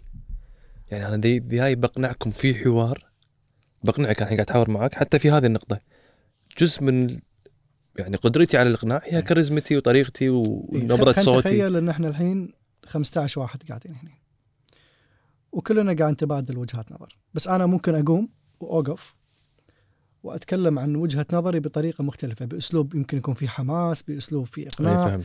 يخلي من المحرج عليك إنك أنت تقول لي ترى كلامك اللي قلته كله فاضي. أي فهمت. لأن الأسلوب اللي استخدمته وحتى ممكن آخرين يتأثرون بالأسلوب. صح. مو بالفكرة. هي الفكرة إنك أنت تحاور الفكرة نفسها مو الأسلوب اللي تطرح فيه صح. أو الثقة اللي. فهابرماس يقول جرد كل الأفكار اللي تنطرح من كل المؤثرات اللي ممكن تساهم في قبولها أو رفضها حلو. هذا بشكل مختصر. الخامسه الخامسة طبعا وجود شخصيات لها قبول من جميع الأطراف. بمعنى أنا ما يجوز أسوي حوار وطني. ومن يشارك في هذا الحوار مثلا عليه قضايا فساد أو متهم بقضايا فساد أو ما يحمل مصداقية عند الناس. ال- قلت لك قبل شوي ال ability integrity هذه من العناصر الرئيسية اللي إذا الإنسان اكتسبها اكتسب ثقة الناس. فجزء من عملية الحوار إني أنا أثق في الناس اللي قاعد أحاور معاهم. صح. فعدم وجود ثقة في هؤلاء الناس في عملية الحوار لن يؤدي إلى حوار ناجح. ممتاز. بالتالي مخرجات الحوار لن تكون مخرجات مستدامة. زين. الحوار اللي صار الحوار الوطني. نقدر نقول عنه حوار وطني؟ ما ندري. إذا أنا ما أعتقد أنه كان حوار وطني. أنا أعتقد أنه كان حوار سياسي. حوار وطني لازم كلنا نعرف نتائجه نعرف ما تم التحاور عليه ما تم الاتفاق عليه يقول لك راح تعرف كل شيء مسجل راح يطلع. هل إذا إذا كل شيء طلع بعدين راح نقدر نقول عنه حوار وطني؟ لا لأن ما تقدر وقتها تغير نتائج الحوار. فأنت من اللي شارك في الحوار الوطني؟ يعني أنا حتى ما أعرف من اللي شارك في الحوار الوطني. أي. هل من شارك في الحوار الوطني يمثلوني؟ بمعنى يحملون ثقة عندهم ثقتي وثقة الناس ولا لا؟ من اختارهم؟ يعني يعني وعلى أي أساس مثلا؟ فلما نتكلم عن حوار وطني هو حوار يعبر عن الغالبية الساحقة من من الناس في المجتمع. بس إحنا ما ندري من اللي شارك في الحوار وماذا على ماذا تم الحوار. فأنا بوجهة نظري هذا الحوار مقبول بس هذا حوار سياسي ما نقدر نسميه حوار وطني حوار ما بين مجموعة من السياسيين للاتفاق على أجندة معينة. ما ندري بالضبط شنو صار بالحوار. يعني أحيانا في الغرف المغلقة السياسيين يتحاورون مو بالضرورة إنك أنت لازم تعرف بس أنت تقدر تضغط على السياسي اللي شارك في الحوار وتقول له أنا أبي أعرف أنا اذا إذا كان بس هو المفروض يطلع عقب كل اجتماع؟ ويقول صار كذي اليوم صار كذي اليوم. اتفقنا على ف- كذي. فيبدو إنه كان في اتفاق انه ما حد يطلع يتكلم. اي فهمت. فشلون أقول حوار يمثلني؟ وأنا ما أدري شنو صار في الحوار. امم بعدين راح يصير توليت يعني؟ فأنا أعتبره حوار سياسي. هذا الحوار السياسي قد تكون نتائجه إيجابية. على المدى القصير والمتوسط. أتمنى تكون نتائجه إيجابية. أه، بس إحنا ما زلنا بحاجة إلى حوار وطني. امم حقيقي. ممكن نقول يعني. أنا في في اتفاق عام حتى من الضيوف اللي يونا وتعلقوا على ال- الحوار الوطني انه محتاجين حوار وطني حقيقي يعني سواء آه، بالعم جاسم السعدون ولا دكتور فهد راشد المطيري والحين هم منك أنت قاعد تقول اننا محتاجين آه، حوار وطني يعني حقيقي. حوار وطني ترى ما يقتصر على بس حل القضايا السياسية. حوار وطني توضع فيه كل القضايا الخلافية مو في السياسة. في السياسة في الاقتصاد في الهوية الوطنية في في القضايا اللي تنبني فعلا عليها الدولة. نتفق على مشتركات فيها ثم ننطلق لبناء سياساتنا عليها. الناس دائما تتصور بأن الحوار الوطني لحل المشكلات السياسية العالقة اليوم. ال- ال- المهجرين برا أصحاب الرأي. هذا م- يعني هذا جزء ممكن يكون من الحوار الوطني. مم. يمكن هذا كان هو الحوار السياسي اللي صار. بس الحوار الوطني يحل أغلب القضايا أو يناقش أغلب القضايا التي تعطل عملية التنمية أو مسيرة الحياة في صح. في الدولة. عشان نقول بأن الكويت بعد الحوار الوطني كانت دولة مختلفة كأن المجلس التأسيسي للدستور. صح. الكويت أصبحت دولة مختلفة بعد هذا المجلس. حبيب أبو بدر ما قصرت مشكور على. ايتك أنتم اللي مشكورين على الاستضافة.